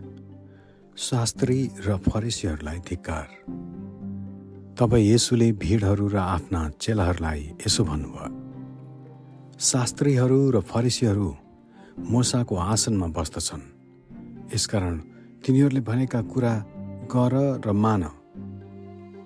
तर तिनीहरूले गरे जस्तो चाहिँ नगर किनकि तिनीहरूले शिक्षा त दिन्छन् तर त्यसअनुसार गर्दैनन्। तिनीहरूले गरौँ र बोक्न नसक्ने भारी बाँधेर मानिसहरूका काँधमा राखिदिन्छन्। तर तिनीहरू आफै चाहिँ ती उठाउनलाई एक औँलाले पनि छुँदैनन्। तर तिनीहरू आफ्ना सारा काम मानिसहरूलाई देखाउनलाई गर्छन्। किनभने तिनीहरू आफ्ना निधार र नाडीमा व्यवस्थापत्री ठुला बनाउँछन् र आफ्ना वस्त्रका झुम्काहरू लम्क्याउँछन्। भोजहरूमा तिनीहरू सम्मानका स्थान र सभाघरहरूमा प्रमुख आसनहरू मन पराउँछन्। बजारहरूमा अभिवादन खोज्छन् र मानिसहरूले गुरु भनेका रुचाउँछन्। तर तिमीहरूलाई कसैले गुरुज्यू नभनोस् किनकि तिमीहरूका शिक्षक एउटै हुनुहुन्छ र तिमीहरू चाहिँ सबै दाजुभाइ हौ। तिमीहरू पृथ्वीमा कसैलाई आफ्ना पिता नभन किनकि स्वर्गमा तिमीहरूका एउटै पिता हुनुहुन्छ। तिमीहरूलाई कसैले मालिक नभनोस् किनकि तिमीहरूका एकमात्र मालिक ख्रिस्ट नै हुनुहुन्छ। तिमीहरू मध्ये जो सबैभन्दा उच्च छ त्यो तिमीहरूको सेवक हुनेछ जसले आफूलाई उच्च पार्छ त्यो होच्याइनेछ र जसले आफूलाई होच्याउँछ त्यो उच्च पारिनेछ धिक्कार तिमीहरूलाई शास्त्री र फरिसी हो। ढोङ्गीहरू किनकि तिमीहरू मानिसहरूका सामुन्ने स्वर्गका राज्यको ढोका बन्द गर्दछौ। तिमीहरू न त आफै पस्दछौ न पस्न चाहनेहरूलाई पस्न दिन्छौ। धिक्कार तिमीहरूलाई। शास्त्री र फरेसी हो ढोङ्गीहरू। किनकि तिमीहरू विधवाहरूका घर खाइदिन्छौ र लामो लामो प्रार्थना गर्ने भान गर्छौ। यसैले अरूले भन्दा तिमीहरूले ज्यादा दण्ड पाउनेछौ। धिक्कार तिमीहरूलाई शास्त्री र फरेसीहरू हो ढोङ्गीहरू। किनकि तिमीहरू एकजनालाई आफ्नो मतमा ल्याउनलाई समुद्र र जमिन चाहार्दछौ र त्यो तिमीहरूको मतमा आएपछि त्यसलाई आफूभन्दा दोब्बर नरकको छोरो बनाउँछौ। धिक्कार तिमीहरूलाई अन्धा अगुवा हो जसले भन्दछौ कसैले मन्दिरको शपथ खाँदा केही हुँदैन तर मन्दिरका सुनको शपथ खाँदा त्यस शपथले बाँधिनेछ मूर्ख र अन्धा हो कुन चाहिँ ठुलो हो? सुन कि सुनलाई पवित्र पार्ने मन्दिर? कसैले वेदीको शपथ खाँदा केही हुँदैन तर त्यसमाथि राखिएको भेटीको शपथ खाँदा चाहिँ शपथले बाँधिनेछ ए अन्धा हो कुन चाहिँ ठुलो हो? भेटी कि भेटीलाई पवित्र पार्ने वेदी यसकारण भेटीको शपथ खानेले वेदीको र त्यसमाथिका सबै थोकको शपथ खान्छ। मानिसको शपथ खानेले मन्दिर र त्यसभित्र बास गर्नुहुनेको शपथ खान्छ। स्वर्गको शपथ खानेले परमेश्वरका सिंहासनको र त्यसमाथि बिजा विराजमान हुनुहुनेको शपथ खान्छ। धिक्कार तिमीहरूलाई शास्त्री र फरेसी हो ढोङ्गीहरू किनकि तिमीहरू पुदिना र सुप र जिराको दशांश दिन्छौ। तर व्यवस्थाका गहकिला विषयहरू अर्थात् न्याय दया र विश्वासको अवहेलना गरेका छौ। तिमीहरूले दशांश दिने काम गर्नुपर्ने थियो। अनि ती गहकिला विषयहरूको अवहेलना नगर्नुपर्ने थियो। अन्ध अगुवा हो तिमीहरू भुस्न चाल्दछौ तर उठलाई चाहिँ निलिहाल्दछौ। धिक्कार तिमीहरूलाई शास्त्री र फरिसी हो। ढोङ्गीहरू किनभने तिमीहरू कचौरा र थालको बाहिरपट्टि माझ्दछौ। तर भित्रपट्टि भने ती लोभ र असंयमले भरिएका हुन्छन्। अन्धा फरिसी हो पहिले कचौरा र थालको भित्रपट्टि सफा पार। र तिनीहरूको बाहिरपट्टि पनि सफा होस्। धिक्कार तिमीहरूलाई शास्त्री र फरिसी हो ढोङ्गीहरू। किनकि तिमीहरू चुन लाइरहेका चिहानहरू जस्ता छौ जो बाहिरपट्टि सुन्दर देखा पर्छन् तर भित्रपट्टि भने मरेका मान्छेहरूका हाडहरू र सबै अशुद्धताले भरिएका हुन्छन्। यसरी नै तिमीहरू पनि बाहिर भने मानिसहरूका सामुन्य धर्मी देखा पर्दछौ तर भित्र भने कपट र दुष्टताले भरिएका छौ। धिक्कार तिमीहरूलाई शास्त्री र फरिसी हो ढोङ्गीहरू किनभने तिमीहरू अगम वक्तका चिहानहरू बनाउँछौ र धर्मीहरूका स्मारकलाई सिँगार्दछौ र भन्दछौ। हामी आफ्ना पुर्खाहरूका समयमा भए ता हामी अगमवक्ताहरूको रगत बगाउनमा उनीहरूसँग सहभागी हुने थिएनौँ। यसरी तिमीहरू अगमवक्ताहरूलाई हत्या गर्नेका सन्तान हौ भन्ने प्रमाण तिमीहरू आफै दिन्छौ। तिमीहरूका पुर्खाहरूले गरेका पापको काम पुरा गर। सर्पहरू साँधे सर्पका बच्चा हो। तिमीहरू नरकको दण्डदेखि कसरी उम्कनेछौ? यसकारण म तिमीहरू कहाँ अगमवक्ताहरू बुद्धिमान मानिसहरू र शास्त्रीहरू पठाउँछु। तिनीहरूमध्ये कतिजनालाई तिमीहरूले मार्नेछौ र क्रुसमा टाङ्नेछौ र कतिजनालाई आफ्ना सभाघरहरूमा कोर्रा लगाउनेछौ र सहर सहर हुँदो सताउनेछौ। पृथ्वीमा बगाइएको सब धर्मीजनको रगत निर्दोष हाविलको रगतदेखि लिएर बेरेकियाका छोरा जकरियाको रगतसम्म जसलाई तिमीहरूले पवित्र स्थान र वेदीका बीचमा हत्या गर्यौ सो तिमीहरूकै टाउकामा पर्नेछ। साँच्चै म तिमीहरूलाई भन्दछु यी सबै कुरा यसै पुस्तामाथि आइपर्नेछ। ए एरुसलेम ए एरुसलेम त जसले अगम वक्ताहरूलाई मार्ने र त कहाँ पठाइएकाहरूलाई ढुङ्गाले हान्ने जसरी खुकुरीले आफ्ना चल्लाहरूलाई पखेटा मुनि बटुल्छ त्यसरी नै मैले धेरैपल्ट तेरा बालकहरूलाई बटुल्ने इच्छा गरेँ तर तैँले मानिनस्। हेर तिमीहरूको घर उचाड छोडिएको छ किनभने म तिमीहरूलाई भन्दछु। परमप्रभुको नाउँमा आउने धन्यका हुन् नभने सम्म तिमीहरूले मलाई देख्ने छैनौ। आमेन।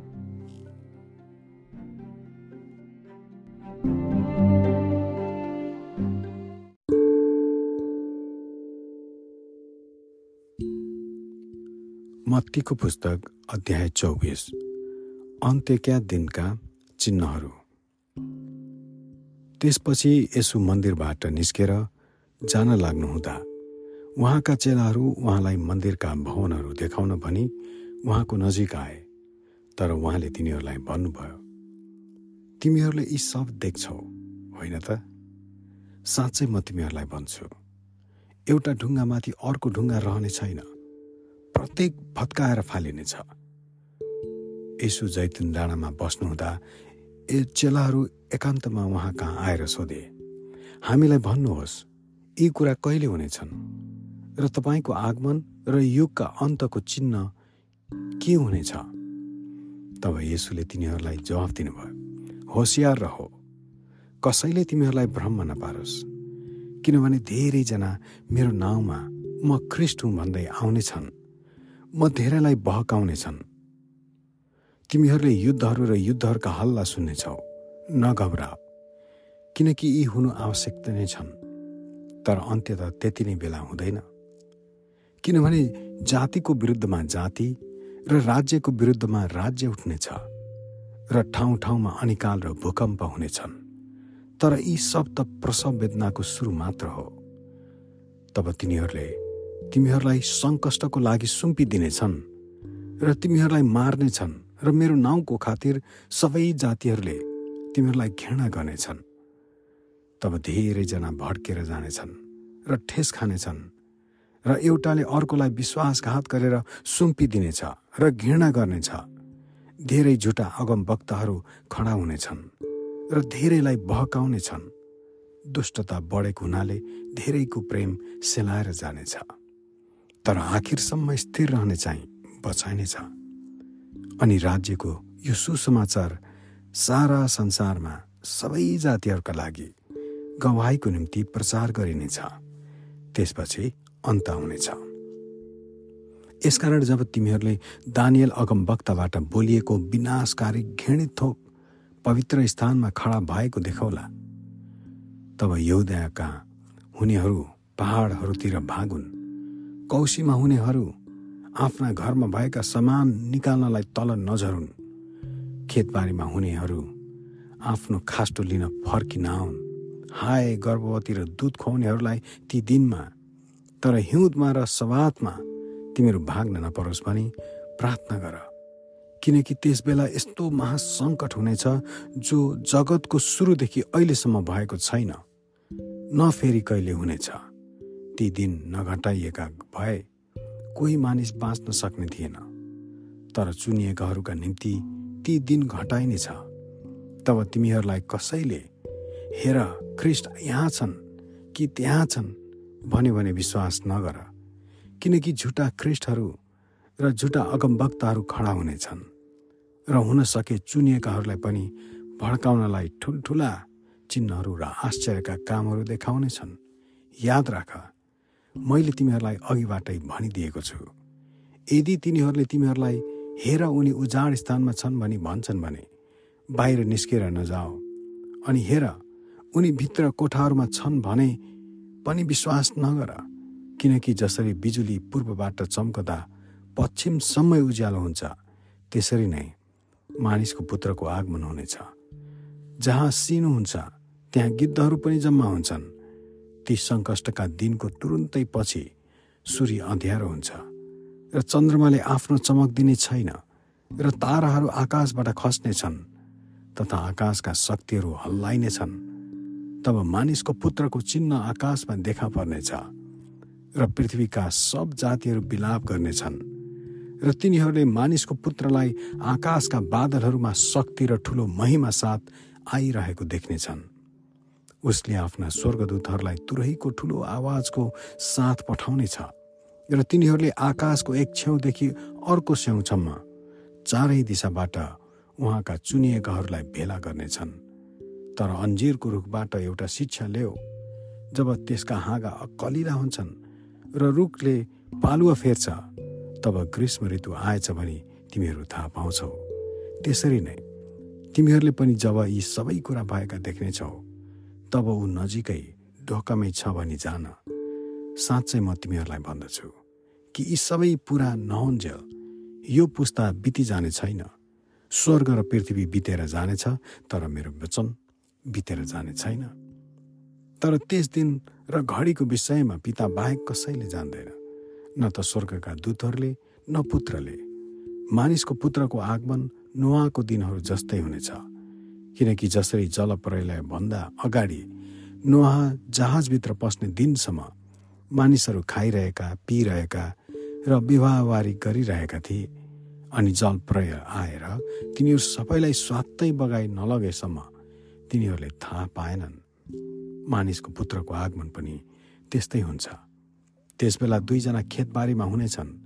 एकजना लगिनेछ अर्को छोडिनेछ दुई स्त्रीहरू जाँतो पिदिरहेका हुनेछन्। एउटी लगिनेछ अर्की छोडिनेछ यसकारण जागर हो किनकि कुन दिन तिमीहरूको प्रभु आउनेछ सो तिमीहरूले जान्दैनौ। तर यो जान कि घरको मालिकले चोर रगतको रातको कुन पहरमा आउँछ भने जानेको भए ऊ जागो रहने थियो र आफ्नो घर फोर्न दिने थिएन। यसकारण तिमीहरू पनि तयार रह किनकि मानिसको पुत्र तिमीहरूले नचिताएको बेलामा आउनेछ।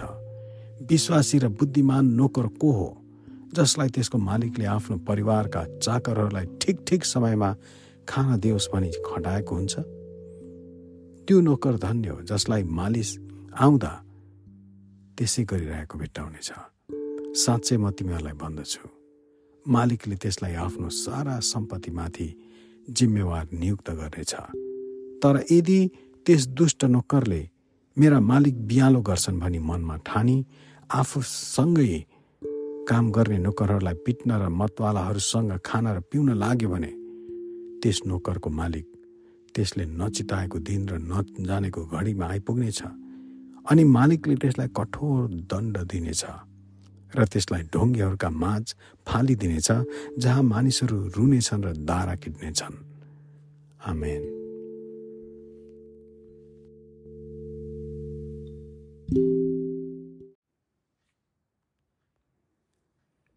मत्तीको पुस्तक अध्याय पच्चिस। दश कन्याको दृष्टान्त। तब स्वर्गको राज्य दश कन्याहरूसँग तुलना गर्न सकिन्छ। तिनीहरूले आआफ्नो बत्ती लिएर दुलहालाई भेट्न निस्के। तीमध्ये पाँचजना निर्बुद्धि र पाँचजना बुद्धिमती थिए। किनकि जब निर्बुद्धिहरूले आफ्ना बत्ती लगे तब तिनीहरूले साथमा तेल चाहिँ लगेनन्। तर बुद्धिमतीहरूले चाहिँ आफ्ना बत्ती सँगसँगै पात्रमा तेल पनि लगे। दुलहाले बिहालो गर्दा ती सबै निन्द्राले लट्ठ भए र निधाए। तर मध्यरातमा हेर दुलहा उनलाई भेट्न आयो। भन्ने आवाज आयो। तब ती सबै कन्याहरू बिउझे। आ आफ्नो बत्ती ठिकठाक पारे। निर्बुद्धि कन्याहरूले बुद्धिमतीहरूलाई भने तिमीहरूको तेलबाट हामीलाई अलिकता देऊ किनभने हाम्रा बत्ती त निम्न लागे तर बुद्धिमतीहरूले यसो भनेर जवाफ दिए हामी र तिमीहरू दुवैलाई पुग्ने यथेष्ट तेल छैन होला। बरु पसलै कहाँ जा र आफ्नो लागि किन? तिनीहरू किन्न जाँदा दुलहा आइपुगे र तयार हुनेहरू उनीहरूसँग विवाहको भोजमा भित्र पसे र ढोका बन्द भयो। पछिबाट ती अरू कन्याहरू आइपुगे र यसो भन्न लागे प्रभु प्रभु हाम्रा लागि ढोका खोलिदिनुहोस्। तर उनले जवाफ दिएर भने साँच्चै म तिमीहरूलाई भन्दछु। म तिमीहरूलाई चिन्दिनँ। यसकारण जागा हो किनकि त्यो दिन र त्यो घडी तिमीहरूलाई थाहा छैन। सुनका सिक्काको दृष्टान्त। किनकि यो चाहिँ कुनै मानिस जस्तो हो जसले परदेश जाँदा आफ्ना नोकरहरूलाई बोलाइ आफ्नो धन सम्पत्ति तिनीहरूलाई जिम्मा दिए। तिनले हरेकलाई तिनीहरूका आफ्नो योग्यता अनुसार एउटालाई पाँच सुनका सिक्का अर्कोलाई दुई र अर्कोलाई एक दिएर तिनी गइहाले। तब पाँच सुनका सिक्का पाउनेले तुरुन्तै गएर त्यो व्यापारमा लगाइकन अरू पाँच सिक्का कमायो। ए त्यसरी नै दुई सिक्का पाउनेले पनि अरू दुई कमायो। तर एक सिक्का पाउनेले चाहिँ गएर भुइँ खनेर आफ्ना मालिकको सिक्का लुकाइराख्यो। धेरै दिनपछि ती नोकरहरूका मालिक आए र तिनले तिनीहरूसँग हिसाब मागे। तब पाँच सुनका सिक्का पाउने नोकरले अरू पाँच सिक्का ल्याई अगाडि आएर यसो भन्यो हजुर तपाईँले मलाई पाँच सिक्काको जिम्मा दिनुभएको थियो। हेर्नुहोस् मैले अरू पाँच सिक्का कमाएको छु। मालिकले त्यसलाई भने स्याबास असल र विश्वासी नोकर। त थोरै कुरामा विश्वासी भइस् अब म तँलाई धेरै कुराको जिम्मा दिनेछु। त आफ्ना मालिकको खुसीमा सहभागी हो। दुई सिक्का पाउनेले पनि आएर भन्यो हजुर तपाईँले मलाई दुई सिक्का दिनुभएको थियो। हेर्नुहोस् मैले अरू दुई सिक्का कमाएको छु। त्यसका मालिकले त्यसलाई भने स्याबास असल विश्वासी नोकर त थोरै कुरामा विश्वासी भइस्। अब म तँलाई धेरै कुराको जिम्मा दिनेछु। त आफ्ना मालिकको खुसीमा सहभागी हो एक सुनको सिक्का पाउनेले पनि आएर भन्यो हजुर नरोपेको जग्गाबाट कटनी गर्ने र ननिफेर्नेको ठाउँबाट बटुल्ने तपाईँ कठोर माने हुनुहोस् भने मलाई थाहा थियो। यसैले मलाई डर लाग्यो र गएर तपाईँको सिक्का मैले माटोमुनि लुकाइराखेँ। हेर्नुहोस् यो तपाईँको सिक्का लिनुहोस्। त्यसका मालिकले त्यसलाई जवाफ दिए ए दुष्ट अल्छे नोकर नपरे नरोपेको ठाउँमा कटनी गर्छु र ननिफेर्नेको ठाउँबाट बटुल्छु भनेर तैँले जानेको थिइस् भने तैँले मेरो धन साहु कहाँ राख्नुपर्ने थियो र आएर मेरो धन ब्याज फिर्ता पाउने थिएँ। यसकारण त्यसबाट त्यो सिक्का खोस् र जससँग दस सिक्का छ त्यसलाई दियो। किनभने जससँग छ त्यसलाई अरू दिनेछ र त्यससँग प्रशस्त हुनेछ। तर जससँग छैन त्यससँग भएको पनि त्यसबाट खोसिनेछ त्यस बेकममा नोकरलाई चाहिँ बाहिर अन्धकारमा फालिदियो जहाँ मानिसहरू रुनेछन् र दारा किट्नेछन् न्यायको दिन।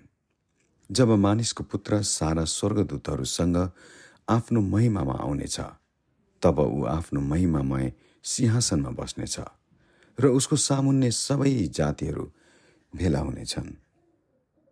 ज जसरी गोठालोले भेडा र बाख्रालाई छुट्याउँछ त्यसरी नै उसले तिनीहरूलाई एउटालाई अर्कोबाट अलग गर्नेछ। उसले भेडाहरूलाई आफ्नो दाहिनेपट्टि र बाख्राहरूलाई देब्रेपट्टि राख्नेछ। तब राजाले आफ्ना दाहिनेपट्टिहरूकालाई भन्नेछ आओ मेरा पिताका धन्य हो।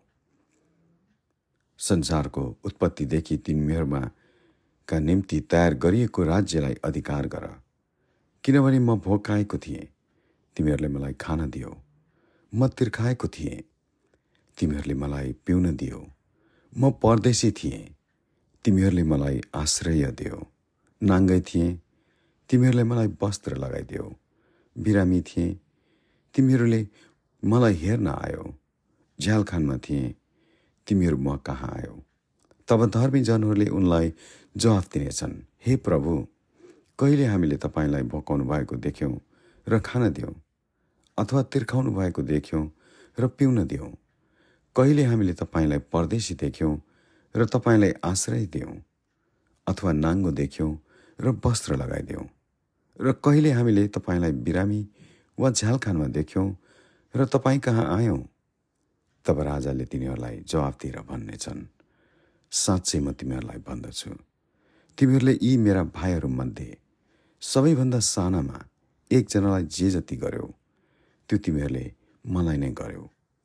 त्यसपछि उनले देब्रेपट्टिका मानिसलाई भन्नेछन् श्रापित हो मबाट दूर हो। र दियाबलस र त्यसका दूतहरूका लागि तयार गरेको अनन्तको आगोमा जाओ। किनभने म भोकाएको थिएँ। तिमीहरूले मलाई खान दिएनौ तिर्खाएको थिएँ। तिमीहरूले मलाई पिउन दिएनौ। म परदेशी थिएँ। तिमीहरूले मलाई आश्रय दिएनौ। नाङ्गो थिएँ। र तिमीहरूले मलाई वस्त्र लगाइदिएनौ। बिरामी र झ्यालखानमा थिएँ। र तिमीहरू मलाई हेर्न आएनौ। तिनीहरूले पनि यसो भनेर जवाब दिनेछन्। प्रभु कहिले हामीले तपाईँहरूलाई तपाईँलाई भोकाएको वा तिर्खाएको देख्यौँ? परदेशी वा नाङ्गो बिरामी देख्यौँ? वा झ्यालखानमा देख्यौँ? र तपाईँको सेवा गरेनौँ? तब उनले तिनीहरूलाई जवाब दिनेछन्। साँच्चै म तिमीहरूलाई भन्दछु। यी सबैभन्दा सानाहरूमध्ये एकजनालाई जे जति गरेनौ त्यो तिमीहरूले मेरो निम्ति गरेनौ। तब यिनीहरू अनन्त दण्डको भागी हुनेछन् तर धर्मी जनहरू अनन्त जीवनमा प्रवेश गर्नेछन्। आमेन।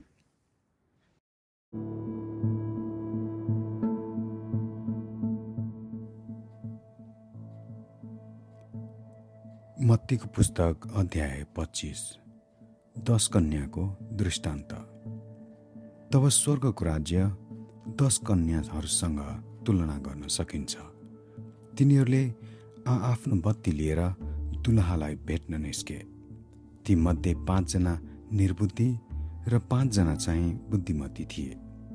किनकि जब निर्बुद्धिहरूले आफ्ना बत्ती लगे तब तिनीहरूले साथमा तेल चाहिँ लगेनन्। तर बुद्धिमतीहरूले चाहिँ आफ्ना बत्ती सँगसँगै पात्रमा तेल पनि लगे।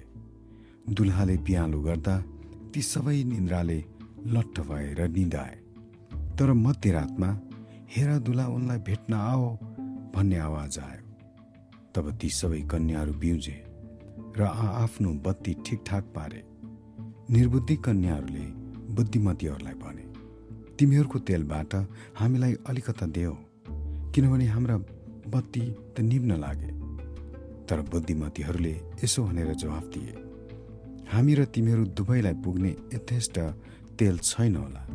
बरु पसले कहाँ जाओ र आफ्नो लागि किन? तिनीहरू किन्न जाँदा दुल्हा आइपुगे र तयार हुनेहरू उनीसँग विवाहको भोजमा भित्र पसे र ढोका बन्द भयो। पछिबाट ती अन्य कन्याहरू आइपुगे र यसो भन्न लागे प्रभु प्रभु हाम्रो लागि खोलिदिनुहोस्। तर उनले जवाफ दिएर भने साँच्चै म तिमीहरूलाई भन्दछु। म तिमीहरूलाई चिन्दैन। यसकारण जागर हो किनकि त्यो दिन र त्यो घडी तिमीहरूलाई थाहा छैन। सुनका सिक्काको दृष्टान्त। किनकि यो चाहिँ कुनै मानिस जस्तो हो जसले परदेश जाँदा आफ्ना नोकरहरूलाई बोलाइ आफ्नो धन सम्पत्ति तिनीहरूलाई जिम्मा दिए।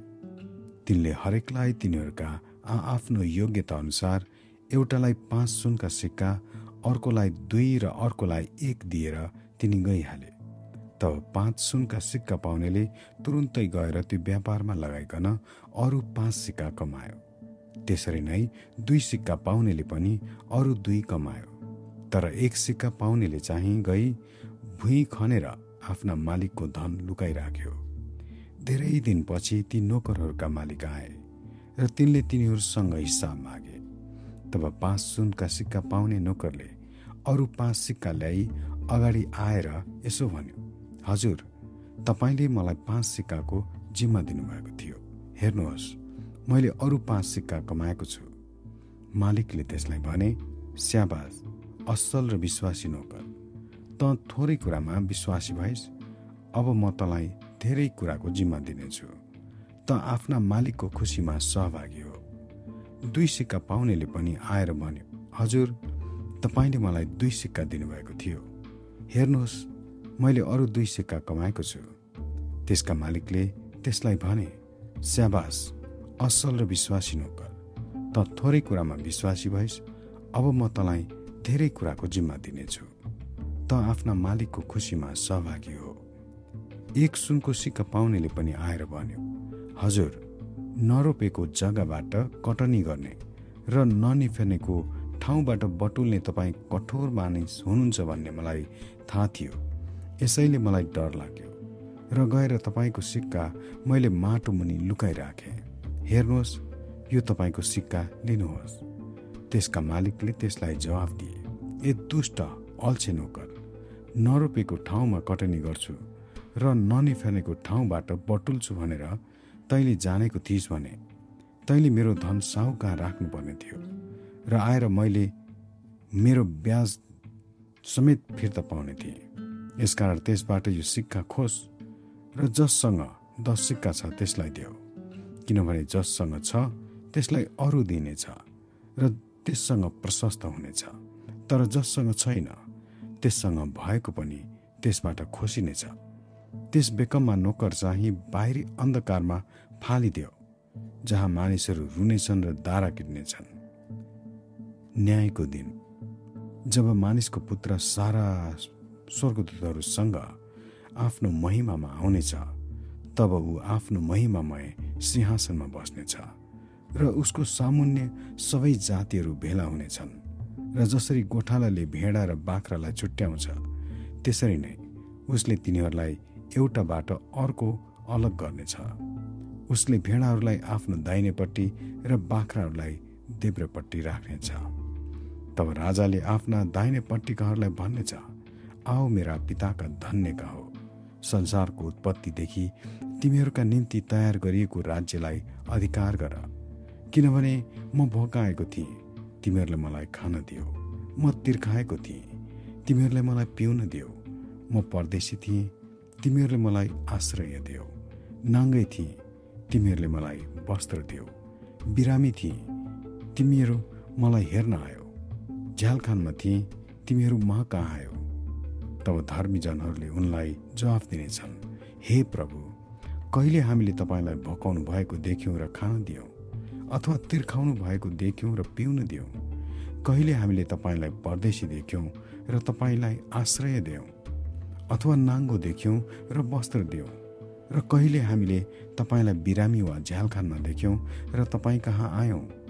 तब राजाले तिनीहरूलाई जवाफ दिएर भन्नेछन् साँच्चै म तिमीहरूलाई भन्दछु। तिमीहरूले यी मेरा भाइहरूमध्ये सबैभन्दा सानामा एकजनालाई जे जति गर्यो त्यो तिमीहरूले मलाई नै गर्यो। त्यसपछि उनले देब्रेपट्टिका मानिसहरूलाई भन्नेछन् श्रापित मानिस हो मबाट दूर हो र दियाबलस र त्यसका दूतहरूका लागि तयार गरिएको अनन्तको आगोमा जाओ। किनभने म भोकाएको थिएँ। तिमीहरूले मलाई खान दिएनौ। तिर्खाएको थिएँ। तिमीहरूले मलाई पिउन दिएनौ। म परदेशी थिएँ। तिमीहरूले मलाई आश्रय दिएनौ। नाङ्गो थिएँ र तिमीहरूले मलाई वस्त्र लगाइदिएनौ।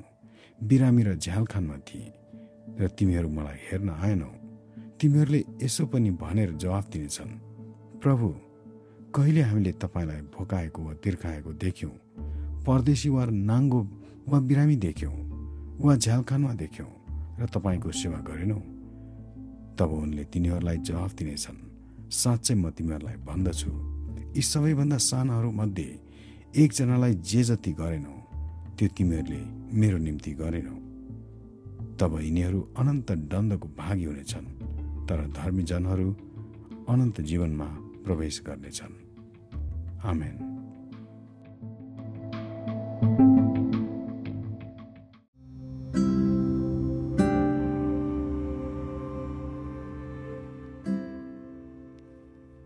मत्तीको पुस्तक अध्याय छब्बिस।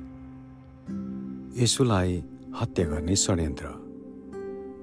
यसुले यी सबै कुरा भनिसक्नु भएपछि आफ्ना चेलाहरूलाई भन्नुभयो तिमीहरूलाई थाहा छ अबको दुई दिनपछि निस्तार चाड आउँछ। अनि मानिसको पुत्र क्रुसमा टाँगिनलाई पक्राइनेछ।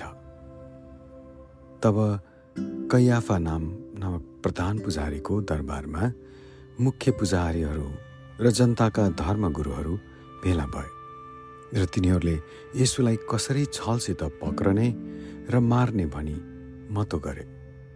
तर तिनीहरूले भने चाडको बेलामा होइन नत्र त मानिसहरूमा खैला बैला हुनेछ।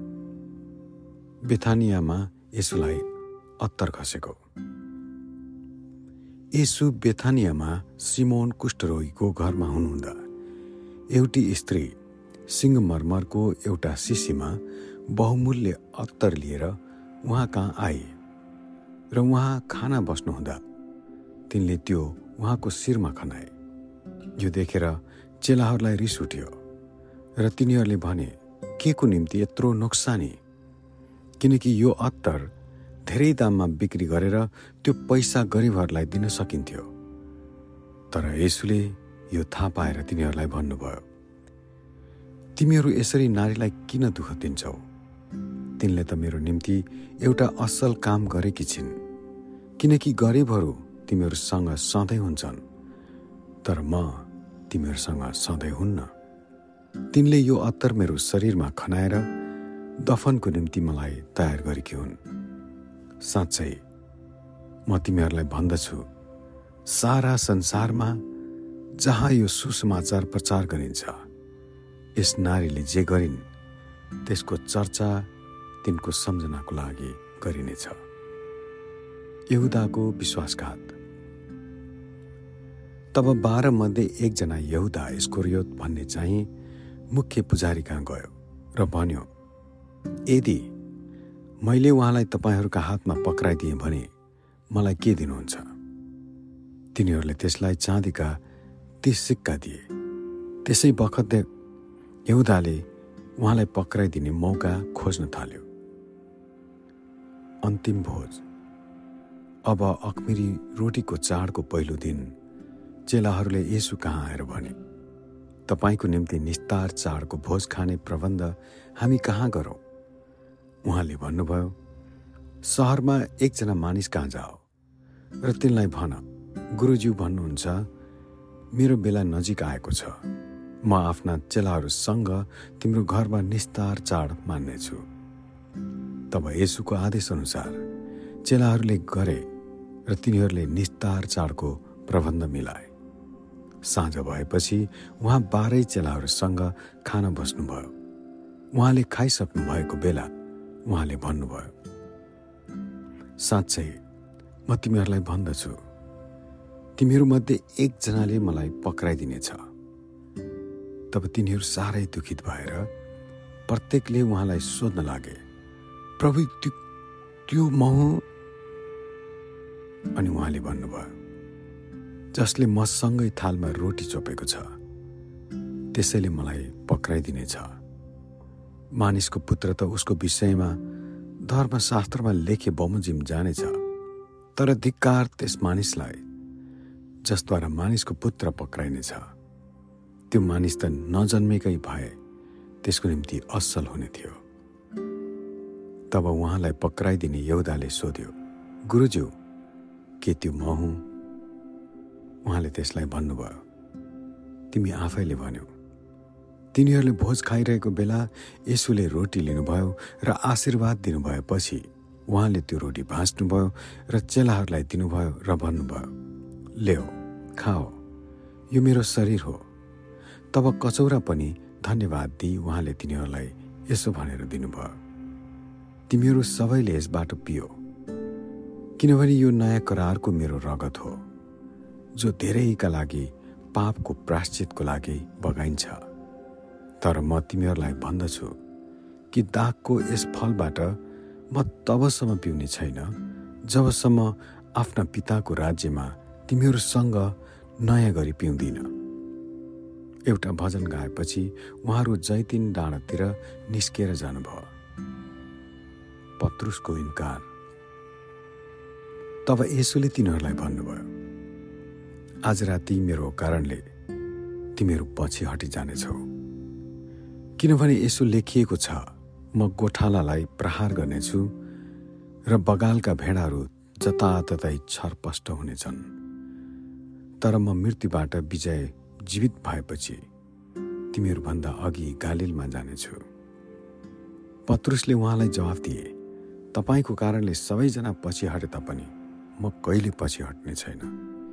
यसुले तिनलाई भन्नुभयो साँच्चै म तिमीलाई भन्दछु।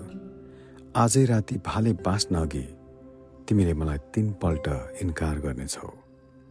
पत्रुसले उहाँलाई भने मैले तपाईँसँग मर्नु परे तापनि म तपाईँलाई इन्कार गर्ने छैन। अरू सबै चेलाहरूले पनि त्यसै भने। गेत्समनीमा यसु। तब यसु गेत्समिनी भनिने गाउँमा तिनीहरूसँग जानुभयो र चेलाहरूलाई भन्नुभयो तिमीहरू यहीँ बस म चाहिँ अलि पर गएर प्रार्थना गर्छु। र आफूसँग पत्रुस र जब्दियाका दुई छोराहरूलाई लिएर उहाँ शोकित र व्याकुल हुन लाग्नुभयो। तब उहाँले तिनीहरूलाई भन्नुभयो मेरो प्राण गहिरो शोकले मरे तुल्य भएको छ। तिमीहरू यहीँ बस र मसँग जागा रह। अनि उहाँले अलि अगाडि गएर लम्पसार परि प्रार्थना गर्नुभयो हे मेरो पिता हुन सक्छ भने यो कचौरा मबाट हटोस्। तरै पनि मैले इच्छा गरे बमोजिम होइन तर तपाईँको इच्छा गर्नुभए बमोजिम होस्। तब उहाँ चेलाहरूसँग आएर तिनीहरूलाई निदाइरहेका भेट्टाउनु भयो र पत्रुसलाई भन्नुभयो के तिमी मसँग एक घन्टा पनि जाग बस्न सक्दैनौ? जागा रह प्रार्थना गर र परीक्षामा नपर। आत्मा त साँच्चै तयार छ तर शरीर दुर्बल छ।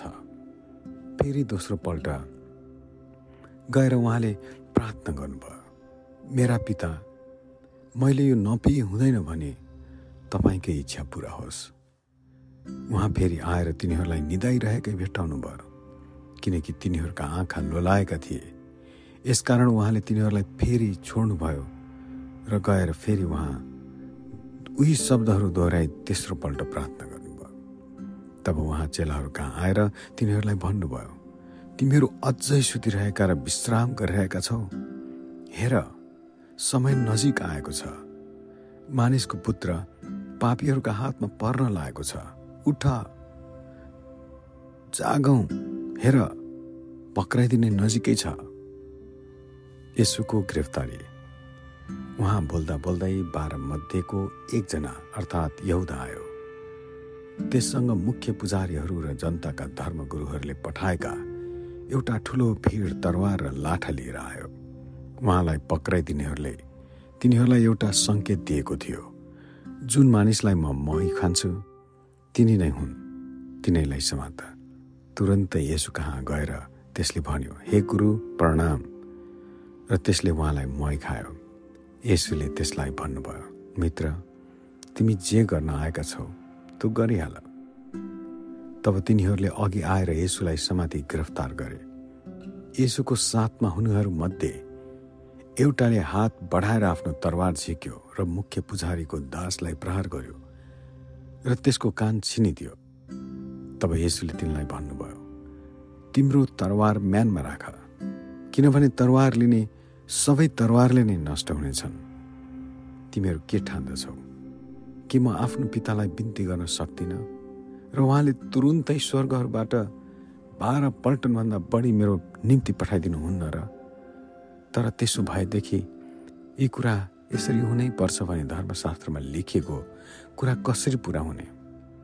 त्यसै बेला यसुले भिडलाई भन्नुभयो डाकुको विरुद्धमा आए झैँ मलाई पक्रन तरवार र लाठाहरू लिएर तिमीहरू किन आयो? म दिनहुँ मन्दिरमा शिक्षा दिँदै बस्थेँ र तिमीहरूले मलाई पक्रेनौ। तर अगमभक्तहरूका धर्मशास्त्रहरू पुऱ्याउन् भनी यी सबै हुन आएका हुन्। तब साँच्चै चेलाहरू उहाँलाई छोडेर भागे। महासभाको सामुन्ने यसु। यसुलाई पक्रनेहरूले उहाँलाई प्रधान पुजारी कैयाफा कहाँ लगे? त्यहाँ शास्त्रीय धर्मगुरुहरू भेला भएका थिए। तर पत्रुस टाढैबाट प्रधान पुजारीका भवनको आँगनसँगै उहाँको पछि पछि लागे र अन्त्यमा के हुने हो सो हेर्नलाई भित्र पसेर पाल्नेहरूलाई सँग बसे। अब मुख्य पुजारी र जम्मै महासभाले यसलाई मृत्युदण्ड दिनलाई उहाँको विरुद्धमा झुटो गवाई खोज्न लागे।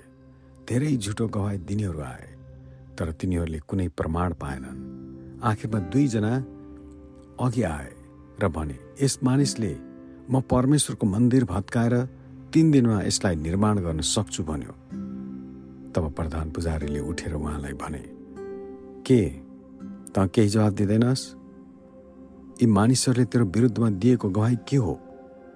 तब यसु चुप रहनुभयो। प्रधान पुजारीले उहाँलाई भने जीवित परमेश्वरको शपथ खाएर भन्दछु हामीलाई बता के त परमेश्वरको पुत्र ख्रिस्ट होस्? यसुले तिनलाई भन्नुभयो। तपाईँले नै भनिरहनुभयो। तापनि म तपाईँहरूलाई भन्दछु। अब उपरान्त मानिसहरूले मानिसको पुत्रलाई सर्वशक्तिमानको दाहिने हातपट्टि बसेको र आकाशको बादलमा आइरहेको देख्नुहुनेछ। तब प्रधान पुजारीले आफ्नो वस्त्र च्यातेर भने यसले त ईश्वर निन्दा भोल्यो हामीलाई अब अरू साक्षीहरूको के दरकार पर्यो र तपाईँहरूले अहिले यसले बोलेको ईश्वर निन्दा सुनिहाल्नुभयो। तपाईँहरूको के राय छ? तिनीहरूले जवाफ दिए। यो प्राणदण्डको योग्य छ। तब तिनीहरूले उहाँको मुखमा थुकेर उहाँलाई मुक्का लगाए र कसै कसैले यसो भन्दै थप्पड हाले हे ख्रिस्ट लौ अगमबाडी भन् तँलाई हिर्काउने को हो? पत्रुसको इन्कार। पत्रुस बाहिर आँगनमा बसिरहेका थिए। एउटी नोकर्नीले तिनी कहाँ आएर भने तिमी पनि गालिल निवासी यसुसँग थियौ। तर तिनले उनीहरू सबैका सामुन्ने इन्कार गरेर भने तैँले के भन्दैछस्? म जान्दिनँ। तिनी बाहिर दलानमा निस्केपछि अर्कीले तिनलाई देखी र त्यहाँ भएकाहरूलाई भने यो मानिस पनि यसु नासिरसँगै थियो। तिनले फेरि जवाफ शपथ खाएर भने म ती मानिसलाई चिन्दिनँ। अलि बेर पछि त्यहाँ भएकाहरूले पनि नजिक आएर पत्रुसलाई भने साँच्चै तिमी पनि तिनीहरू मध्येका एक हौ। किनकि तिम्रो बोलीले नै तिमीलाई जाहेर गर्दछ। तब पत्रुसले आफैलाई शराब्दै शपथ खान लागे म ती मानिसलाई चिन्दै चिन्दैन। अनि तुरुन्तै भाले बास्यो। तब पत्रुसलाई यसुले भन्नुभएको यो कुरा याद आयो। भाले बाँच्न अघि तिमीले मलाई तिनपल्ट इन्कार गर्नेछौ। तब तिनी बाहिर गएर धुरु धुरु रोए। आमेन।